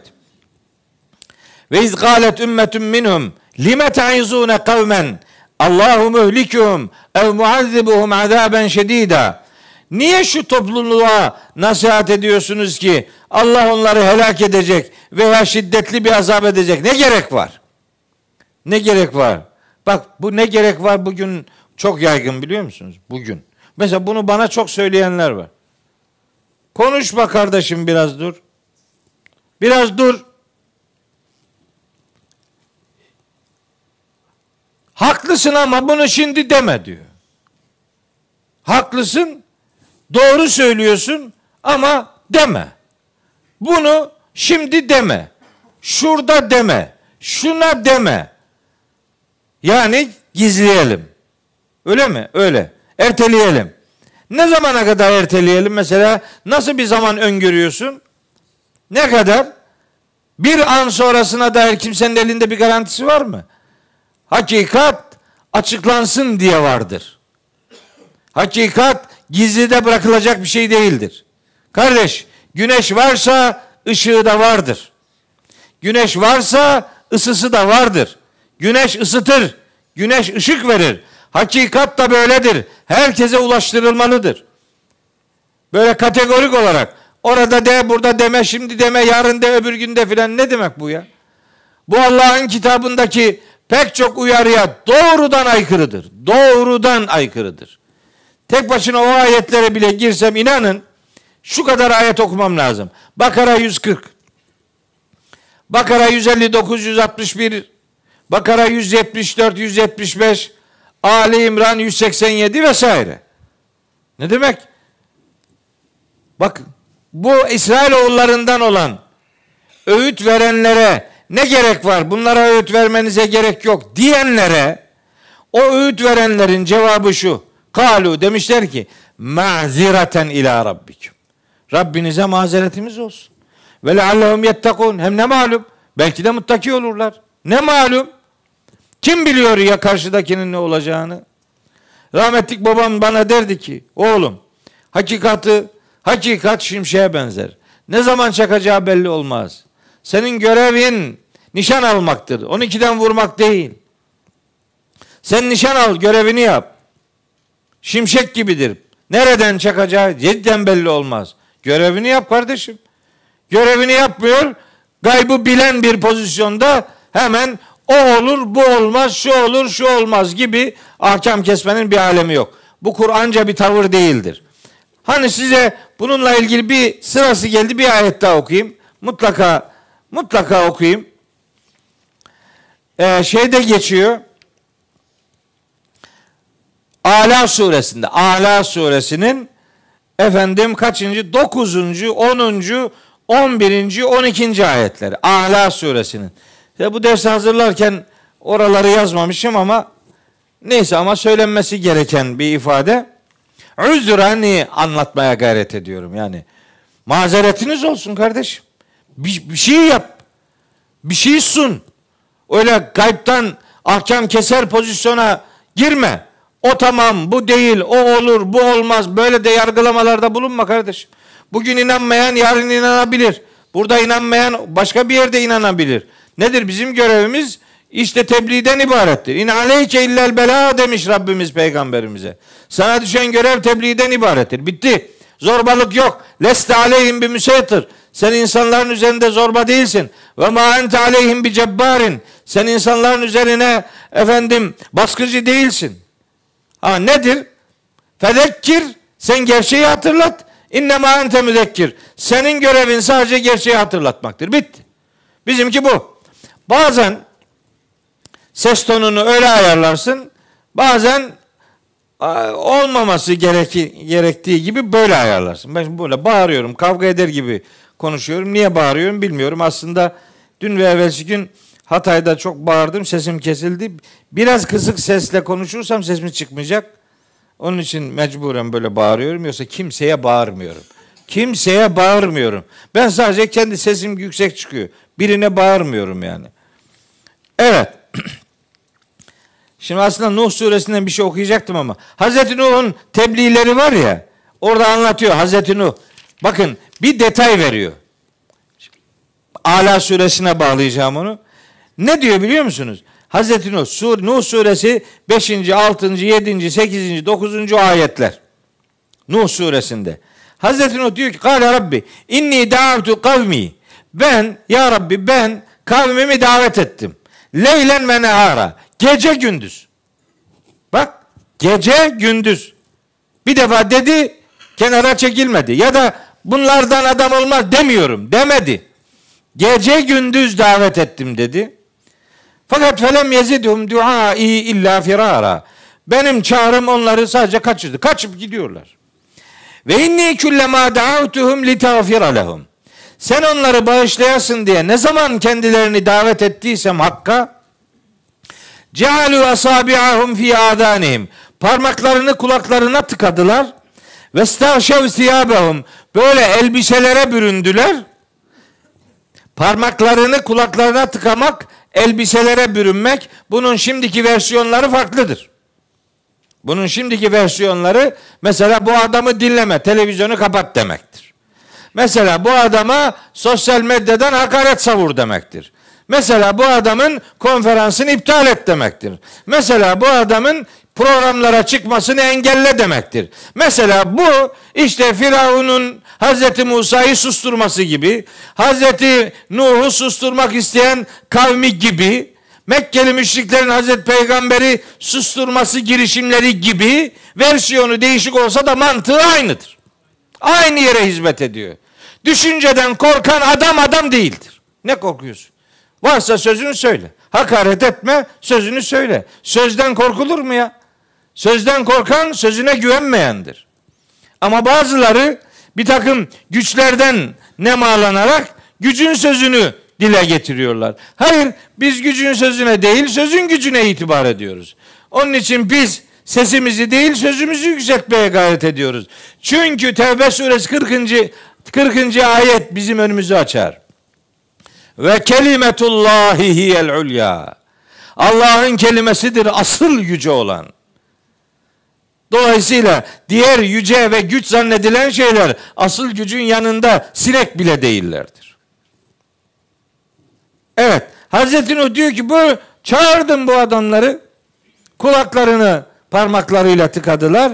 Elbiselere büründüler ve asarru bu bu şeyde inkar ısrarına bulundular. Ve stekber istikbara habire kibir gösterdiler. Şimdi bakın. Sümme inni tekrar devam ediyor. Ya Rabbi ben davtuhum cihara. Onları cehren yani açık açık açık ifadelerle davet ettim. Sümme inni a'lentu lehum. Sonra onlara ilanlarda bulundum. Bildirimlerde bulundum. Ve esrertü lehum israra. Sırası geldi gizli gizli de söyledi. Niye bu çeşitlilik var? Demek istiyor ki Hazreti Nuh. Tebliğ standart değildir. Birine şöyle, birine böyle, bir yerde şundan, bir başka yerde bundan durum neyi gerektiriyorsa vahyin o tarafını onlara sunarsınız. Bir defa dedim çektim gittim. Hayır çeşitlilik var. Çeşitlilik var. Mazeretin ancak o zaman devreye girer. O zaman işini yapmış olmanın huzurunu yaşayabilirsin. Öbür türlü gaybtan haber veren adam pozisyonunda hareket etmek doğru değil. Şimdi Ala suresinden ayet okuyorum. Bakın yanlış tercüme edilen bir ayeti sizinle paylaşmak istiyorum. Yanlış tercüme edilen. Ala 9. Metin şu. Estağfirullah. Fezekkir in nefaatiz zikra. Tercüme şu. Sen bir de bu zikr, zikra, tezkire, zekkere, yüzekkiru kelimelerine öğüt vermek diye mana veriliyor. Bu da doğru değil. Bu kelimelerin asıl anlamı öğüt vermek değil. Bu bu zikrettirmek, hatırlatmak, gerçeği hatırlatmak demektir. öğüt kelimesinin Türkçe'de kullandığımız öğüt kelimesinin Arapçadaki karşılığı mev'iza kelimesidir. O ayrı. Bu kelimeleri öğüt diye ifade etmiyoruz. Öğüt verdim tutmadın. Verme, e, yani öğüdün de çok kıymetli değildir diyebilir. Bunlara öğüt tercümesi isabetli bir tercüme değil. Fezekkir sen gerçeği hatırlat. Gerçeği hatırlat. İn nefaati zikra. Eğer gerçeği hatırlatmanın faydası varsa diye tercüme ediyor. Ya öyle tercüme olur mu? Böyle tercüme ettim mi ne demek? Gel bunun faydası olmayabilir vazgeçtim. O zaman milletin kalbini, niyetini okuma yarışı başlar. Sana göre öyle, ona göre öyle, öbürüne göre öyle. Gayipten haber verirsin. Gayipten haber vermek kimsenin haddine değil. Fedekkir in nefaati zikra. Fedekkir iz nefaati zikra diye tefsiri mümkün. Fedekkir fe inne zikra tenfe'ul müminin. Sen gerçeği hatırlat. Gerçeği hatırlatmanın müminlere mutlaka faydası vardır diyor. Zariyat suresinin işte 55. ayetinde. Gerçeği hatırlatmanın muhatap açısından faydası yoksa eğer olmayacaksa bile görevini yapan insan itibariyle ona faydası vardır. Yani gerçeği hatırlatmak her halükarda faydalıdır. İn nefaati zikra gerçeği hatırlatmanın mutlaka faydası vardır demektir. Sen gerçeği hatırlat, gerçeği hatırlatmanın mutlaka faydası olacaktır. Hem gerçeği hatırlat, hem faydası olmayabiliri efendim e, dile getirmek doğru bir tavır değil değerli kardeşlerim. Şimdi Araf şey e, Ala suresinin ayetlerini okuyorum. Bunun ne kadar önemli olduğunu hatırlatma bakımından söylüyorum. Bakın. Gerçeği hatırlatmanın mutlaka faydası vardır. Niye? Bakın niye? Sonuç itibariyle sonuca geliyor. Seyezzekkeru men yakşa. Sen gerçeği hatırlat. Bunun faydası mesela haşyet duyan insanlar gerçeği hatırlayacaktır. Bak sen hatırlatırsan haşyet duyan, haşyet demek derin saygısı olan demek. Hani Allah'a olan muhabbetinden dolayı yüreği titreyen adam demek. Haşyet duyanlar gerçeği hatırlatmadan istifade edeceklerdir. Peki sen gerçeği hatırlattın ve yetecennebuha el eşka. Şaki olanlar, azgın olanlar ise o gerçekten uzak duracaklardır. Adam gerçeklerden uzak durdu diyebilmen için senin onu önce gerçeklerle buluşturman gerekir. Sen onu gerçeklerle buluşturmadan bu ondan kaçtı, bu ondan uzak durdu değerlendirmesini yapamazsın. Evet. Kim bunlar? Bu eşki, eşka dediği en azgın adamlar ellezî yaslan naral kübra. O büyük ateşe nihayetinde girecek, yaslanacak olan kişiler bunlardır. Bakın bu sonucu elde etmenin öncülü bizim önce hakikatı muhataplarımıza aktarmamızdan geçiyor. Yani biz özrümüzü beyan edelim. Ya Rabbi yaptık böyle oldu. Veyahut da Kitabullah'ın nihayetinde verdiği mesajlardan istifade etmeyenlere de onlara da uyarı olsun.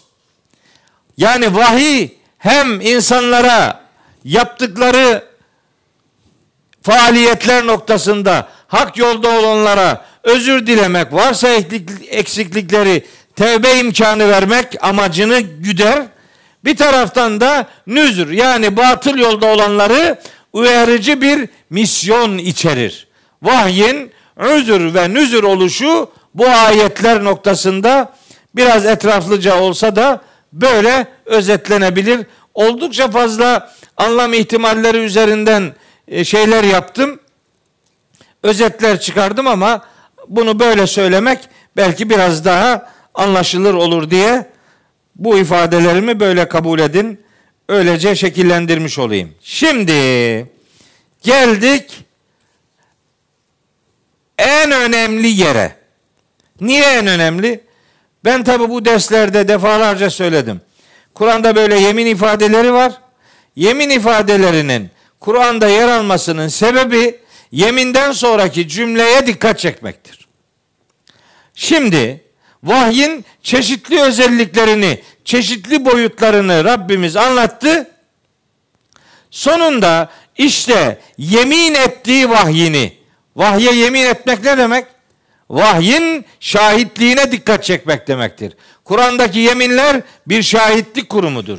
Rabbimiz her neye yemin ediyorsa bilinmelidir ki o yemin edilen şey insanın şahidi olacaktır. Vahiy bizim şahidimiz olacak. Biz onun şahitliğiyle hayatı yürüteceğiz. Burada vahiy hayatımıza şahit tutacağız ki öbür alemde de vahiy bizim şahidimiz olsun. O şahitlik aslında bizim gelecek olan mesaja yoğunlaşmamızı ister. O önemli vurgulu ifadelerden sonra her yemin cümlesinden sonra böyle bir mesaj vardır. Mutlaka vardır. Böyle bir mesaj tekniğine sahip kılınmayan bir yemin ifadesi yok Kur'an'da. Hepsinin yeminden sonraki ana noktaya bir göndermesi vardır. Burada da o cümle 7. ayette dile getirilir. Ayette yeminlerin yapılmasının sebebi vahye dikkat çekilmesinin sebebi 7. ayettir. 7. ayetin metni innema tu'adune levaki'un size vaat edilmekte olan şey var ya işte o mutlaka ve mutlaka gerçekleşecektir. İnnemâ tu'adûne levâki. Size vaat edilen şey, vahyin indirildiği dönemi düşünün. Bu ayetlerin geldiği ortam Mekke. Mekke'de muhatapların kahır ekseriyeti risalete inanmıyor. Yani Peygamberimiz Aleyhisselam'ın risaletle görevlendirildiğine inanmıyor. Dolayısıyla vahyin hak olduğuna inanmıyor. Dolayısıyla vahyin içerdiği bilgilerin ileriye dönük vaatlerin gerçekleşeceğine de inanmıyor. Vahyin içerdiği gerçekler bir, son saat, iki, kıyamet ve ahiret sürecidir. Yani Kur'an bize ve önceki Mekkeli müşriklere başlattığı hitabını herkese yönlendirerek vaadim gerçektir. Mutlaka gerçek, gerçekleşecektir demeye getiriyor. İza vakaatil vakatu leyse li vakaatiha kazibetun. Vaka suresinin ilk iki ayeti. O olay meydana geldiği zaman ki onu yalanlayacak, onun meydana gelişini yalanlayabilecek kimse yoktur. Şimdi böyle lüzumsuz bir terane vuruyor olabilirsin ama nihayet o yaşanacak ve yaşandığında o gün inkar edenler onu görecek. Daha önce inkar ederek ölmüş olanların da ruhu ondan haberdar edilecektir. Hani kıyamet diyoruz ya Kur'an'ın son saat dediği şeye biz kıyamet diyoruz. Kıyametin dehşetinden yani son saatin dehşetinden anlatıyor. Bir grup sonraki ayetler hep onu içerir. Onları da anlatacağım elbette. O ayetlerde sanki son saat yani bu sistemin yıkıldığı zamankilere sesleniliyor zannediliyor. Sadece biz ondan önce öleceksek ya da ondan önce ölen diğer insanlar o kıyametin son saatin şiddetinden dehşetinden haberdar olmayacaklar zannedilir. Hayır. Bu yanlıştır. Neml suresi 87. ayet, Zümer suresi 68. ayet bu konuda bizi bilgilendirir. O iki ayette de birbirine yakın şu mesajlar verilir. Ve yevme yunfeku fis suri fefezi'a men fis semavati ve men fil ardı illa men Allah. Yani sur borusuna üfleneceği gün göklerde ve yerde kim varsa hepsi düşüp bayılacak. Fezia yüreği adeta şiddetli korkuyla dolmak demektir. Onun bir baygınlığa dönüşme manası Zümer suresinde saika fiiliyle ifade edilir. Göklerde ve yerde olanlar hepsi düşecek. Göklerdekiler kimler? Diyorlar ki işte bunlar meleklerdir. Bunu melekler diye tahsis etmeye gerek yok. Evet, yüceler aleminin varlıkları arasında melekler de vardır. Ancak iyi insanların ruhları da o alemdedir. Nihayet iyi kötü herkesin ruhu Allah'ın kontrolündedir.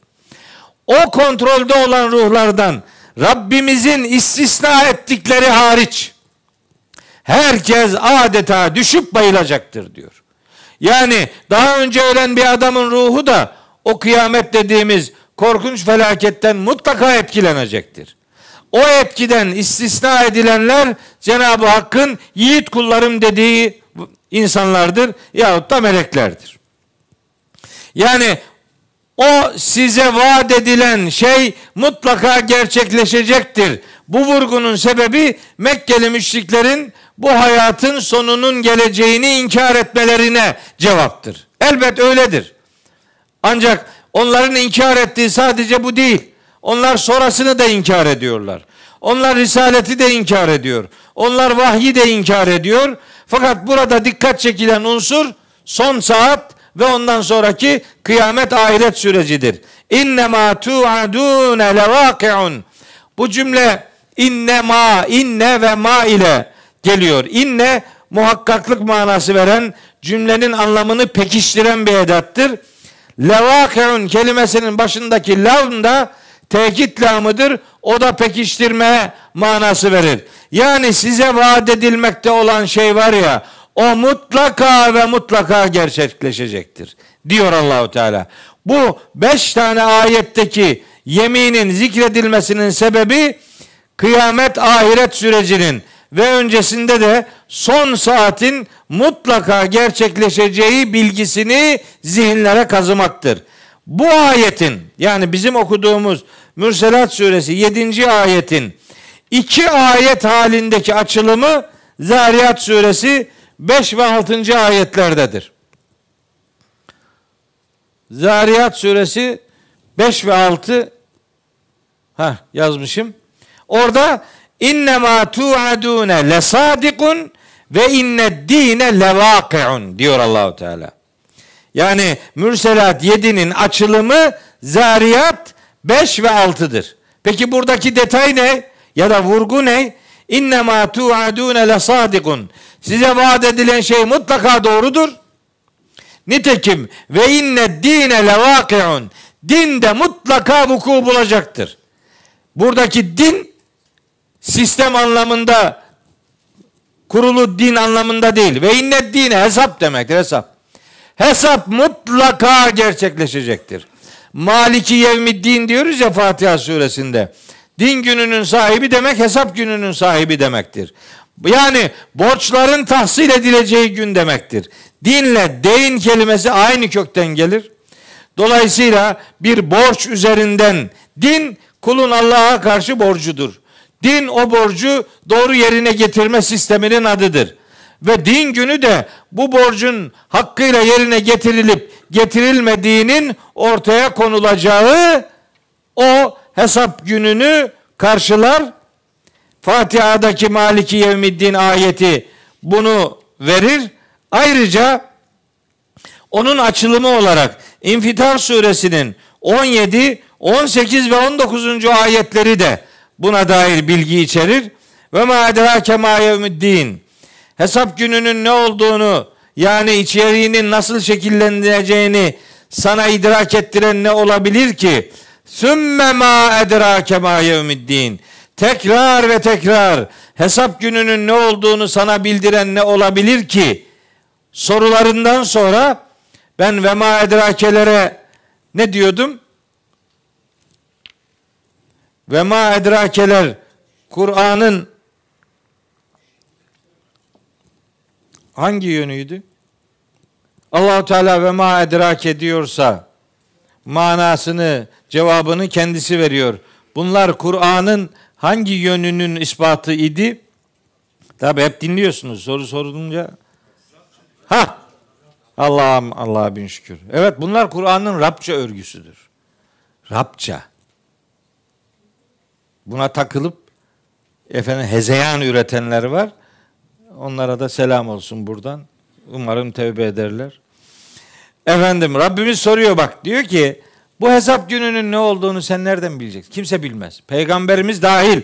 Rabbimiz bildirmedikçe kimse bilemez. Bir daha vurguluyor. Sümme ma edrake ma. Tekrar hatırlatıyorum. Bu hesap gününün ne olduğunu sana bildiren ne olabilir ki?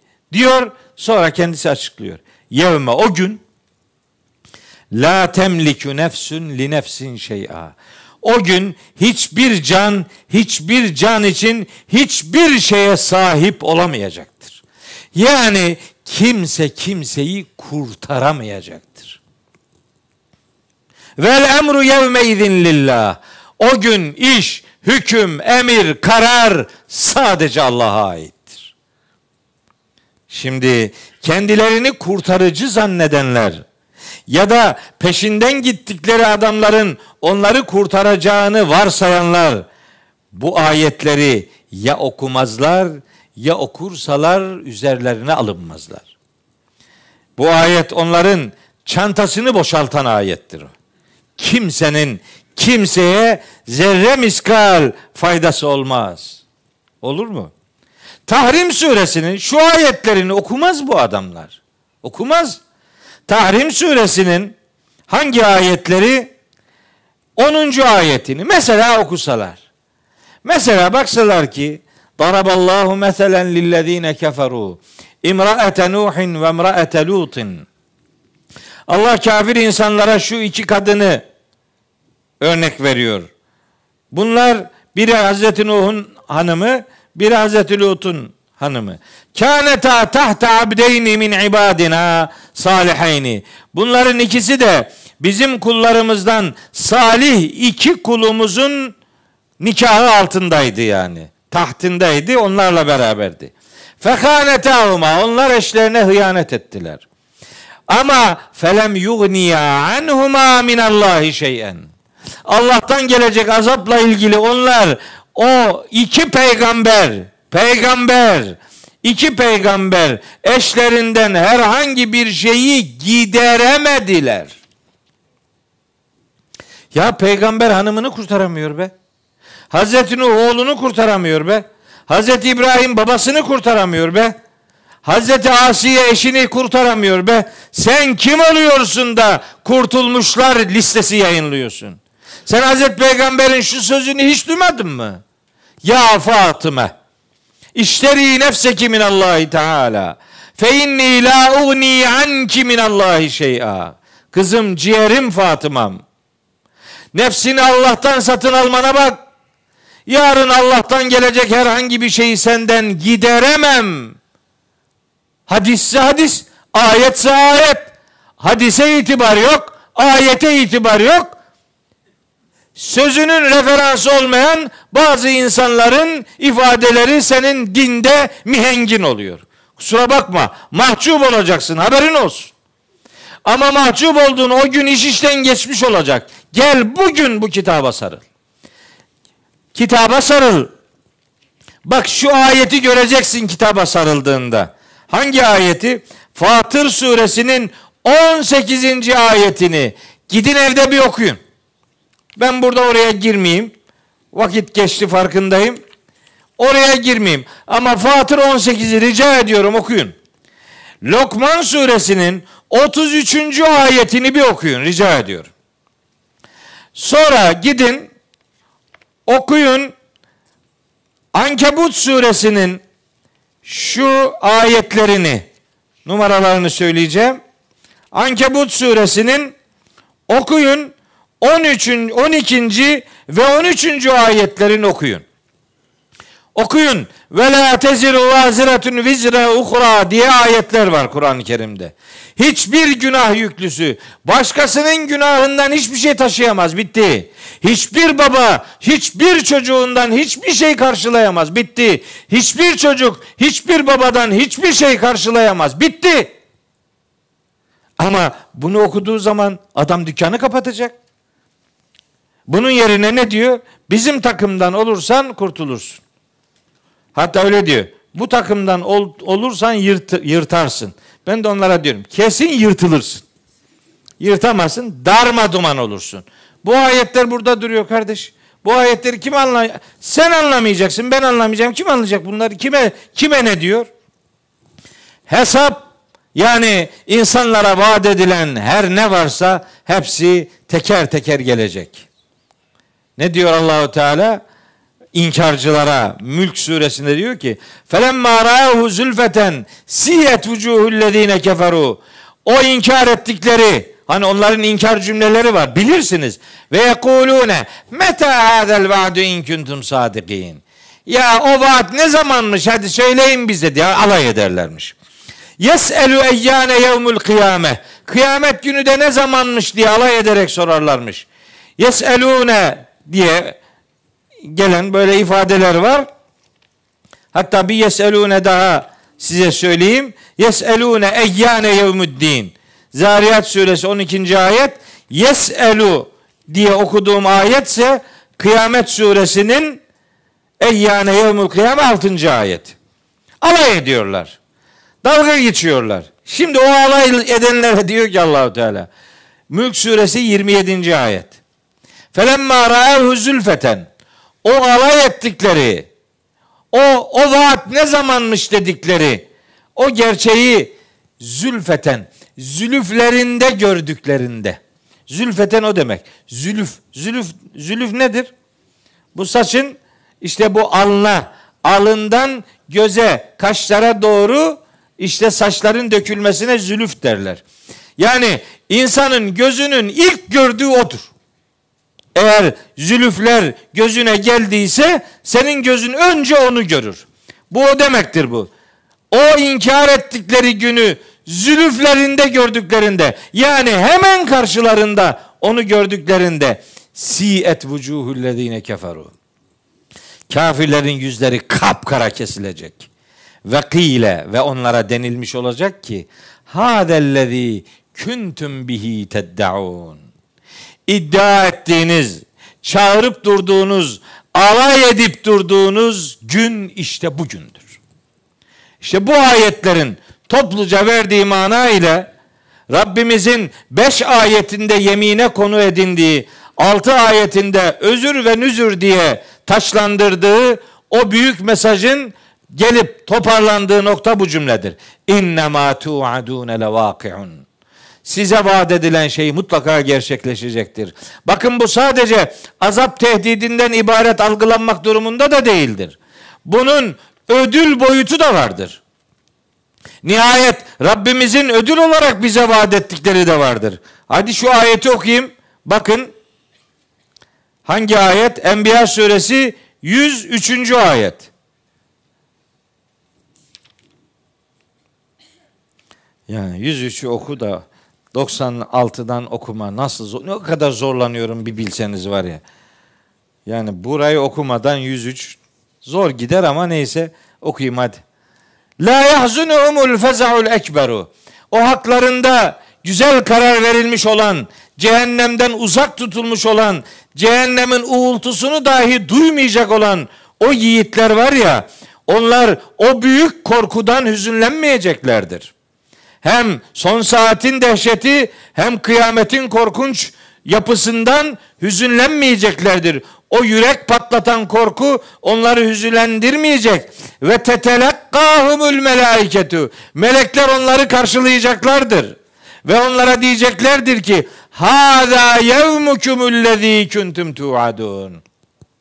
Ey yiğitler işte bu var ya bu size dünyada vaat edilen ödül gününüz işte budur. Yani yaptığınız şeyler buharlaşıp gitmeyecektir. İmanla ölmeyi başarırsanız eğer. İmanla ölebilenler yaptıkları iyiliklerin üstelik de en kalitelilerinden yargılanacaklardır. Var ya öyle müjdeler var ki. Allahu Teala bir, bir müjde ayet okuyayım size. Bir sürü bunlar. Bir grup ya ayetler okuyunca böyle balık sudaki rahatlığı gibi rahat hissediyorum kendimi. O kadar mutlu oluyorum. Nasıl açıyor önümü bir bilseniz ya.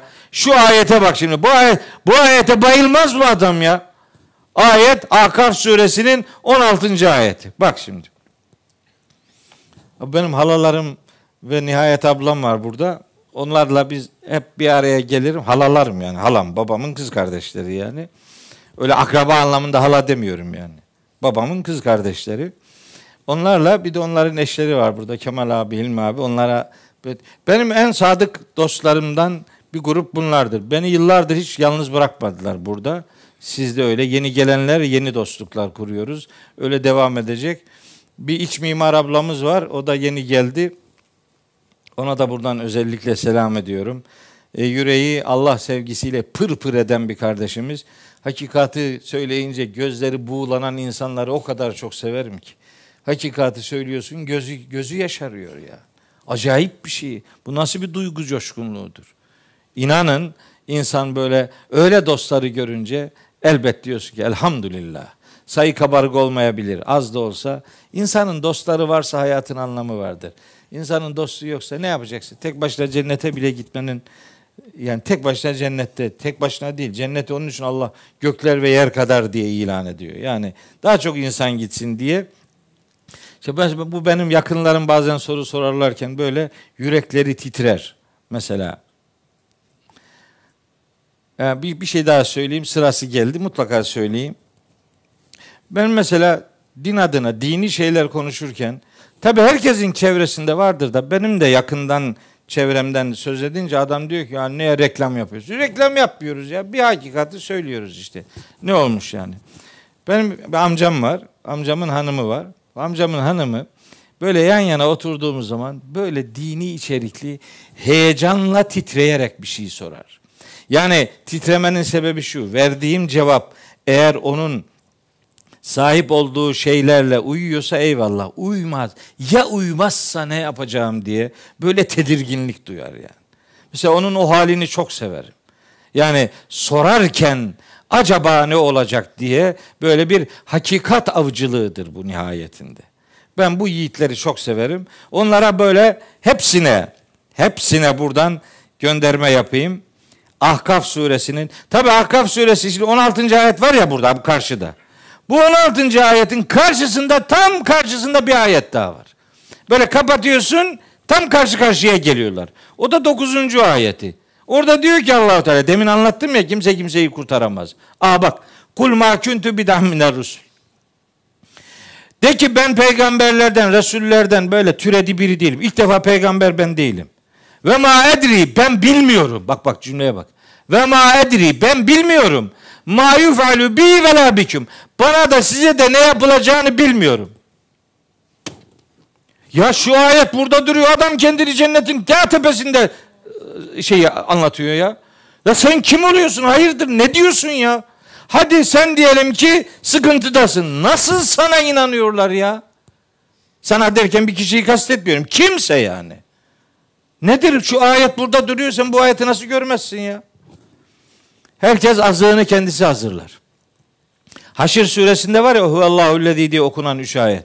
O üç ayetin az üstünde bir ayet daha var. Orada diyor ki Allahu Teala. Bakın ne diyor?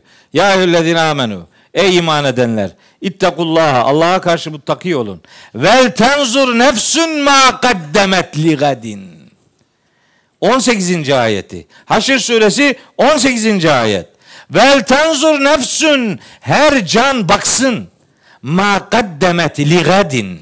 Yarın için ne hazırladığına herkes kendisi baksın.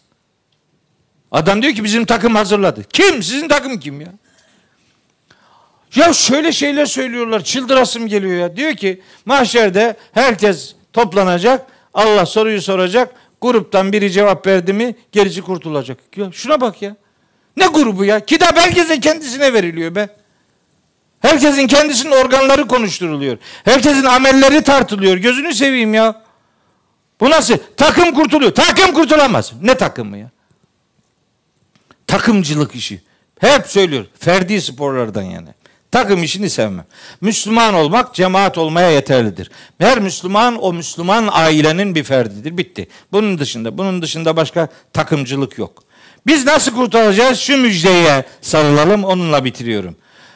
Ana babaya iyilikten söz ediyor. 15. ayette onu sonra detaylandırıyor filan.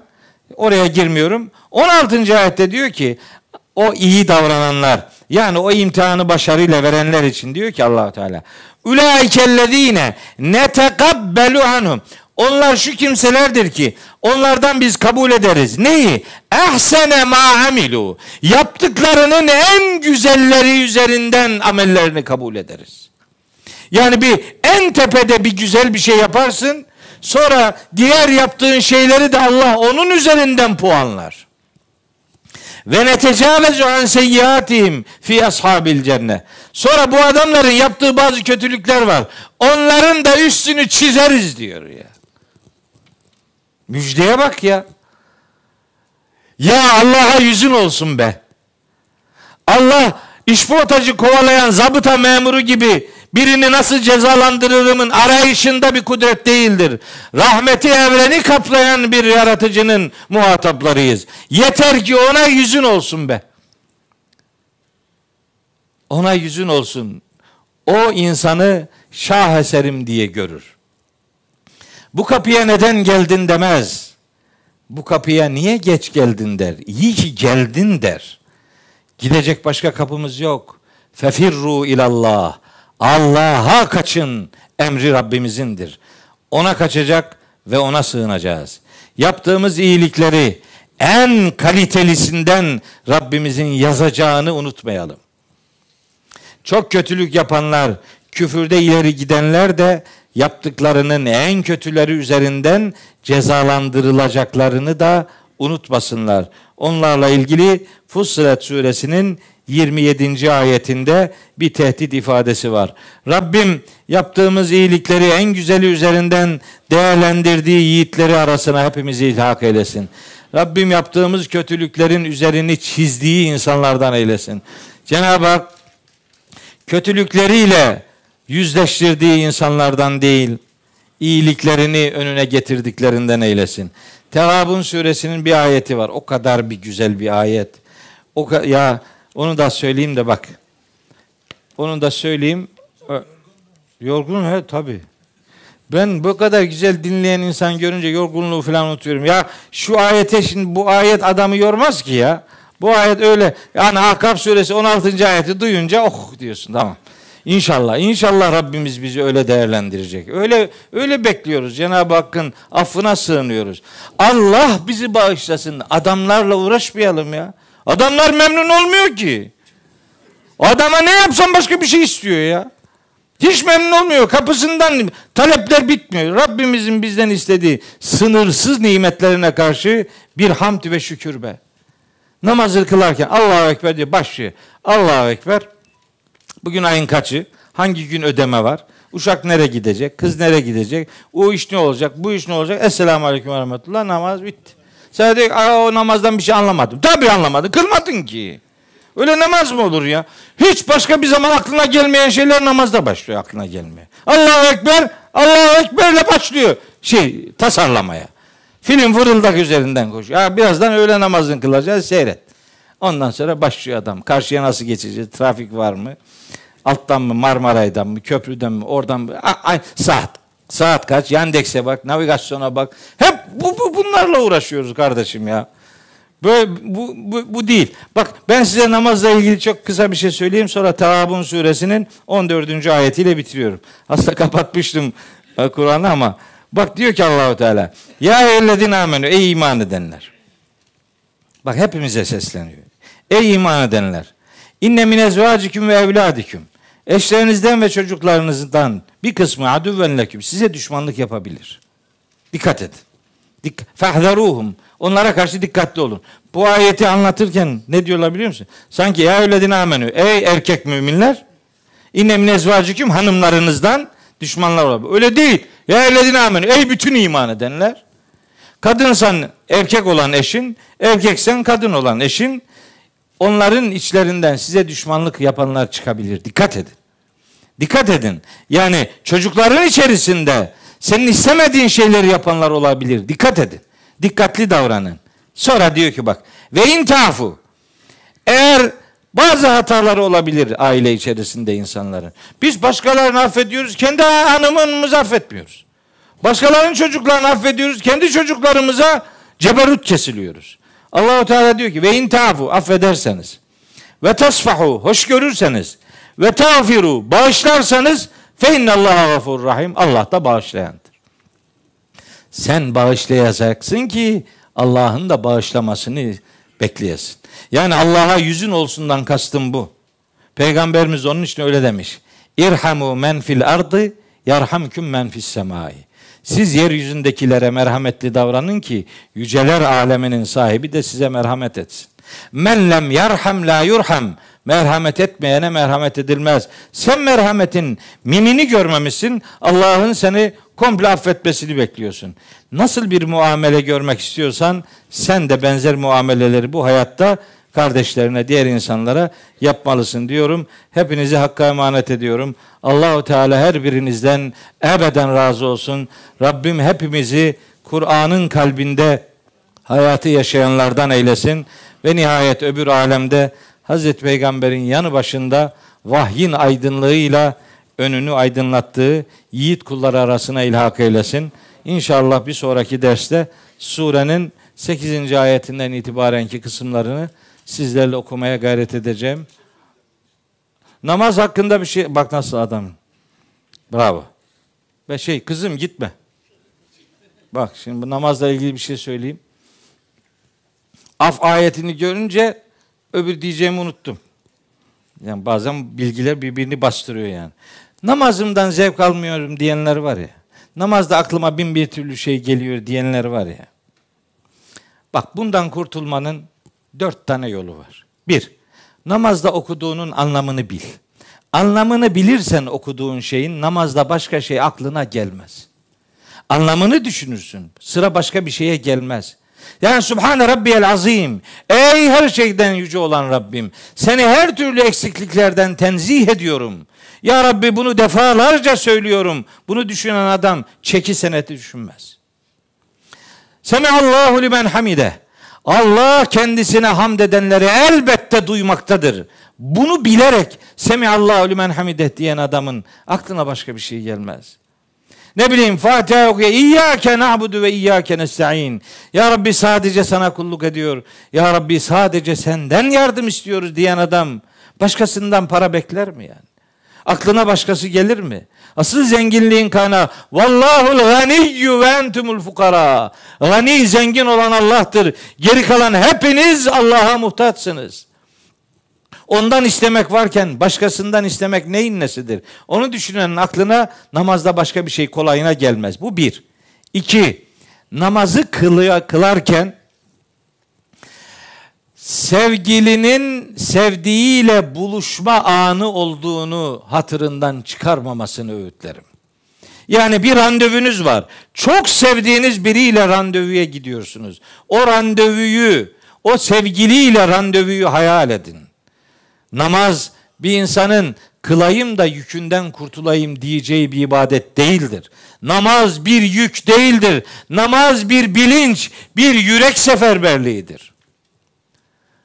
Kılayım, kurtulayım. Ne kurtulayım? Namaz kılarsan namazla kurtulursun. Namazdan kurtulunmaz sevgilinin sevdiğiyle buluşmasıdır. Her namazı öyle görün. Günde beş vakit kılınmasının, beş defa kılınmasının sebebi budur. Günün her alanına Rabbinle buluşma randevun var. Allah seni randevusuna çağırıyor. Ve sen ona gidiyorsun işte. Bir yetkili seni çağırsa gitmez misin? Seve seve uça uça gidersin. Allah çağırıyor ve itibar etmiyorsun. Namaz kılmak, Allah'ın randevusuna koşmak demektir. O bir buluşmanın adıdır. Allah'ın huzurunda bulunduğunuzu fark edersiniz ve namazdan zevk alırsınız. Üç, kıldığınız her namaz Allah'ın sizden kabul edeceği belki de tek namaz odur.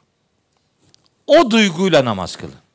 Benim Rabbim belki de benim bu öğle namazımı kabul edecektir Belki de bu en kıymetli namazın bu olacak. Ahkaf 16'da buyurulduğu gibi o ona o o namaz belki de diğer namazların da üzerinden değerlendirileceği bir namaz olabilir. Rabbimin kabul edeceği ve üzerinden beni değerlendireceği namaz belki budur diye o duyguyla namazı kılarsanız aklınıza başka bir şey gelmez. Ve nihayet kılmakta olduğun namaz senin belki de son namazındır.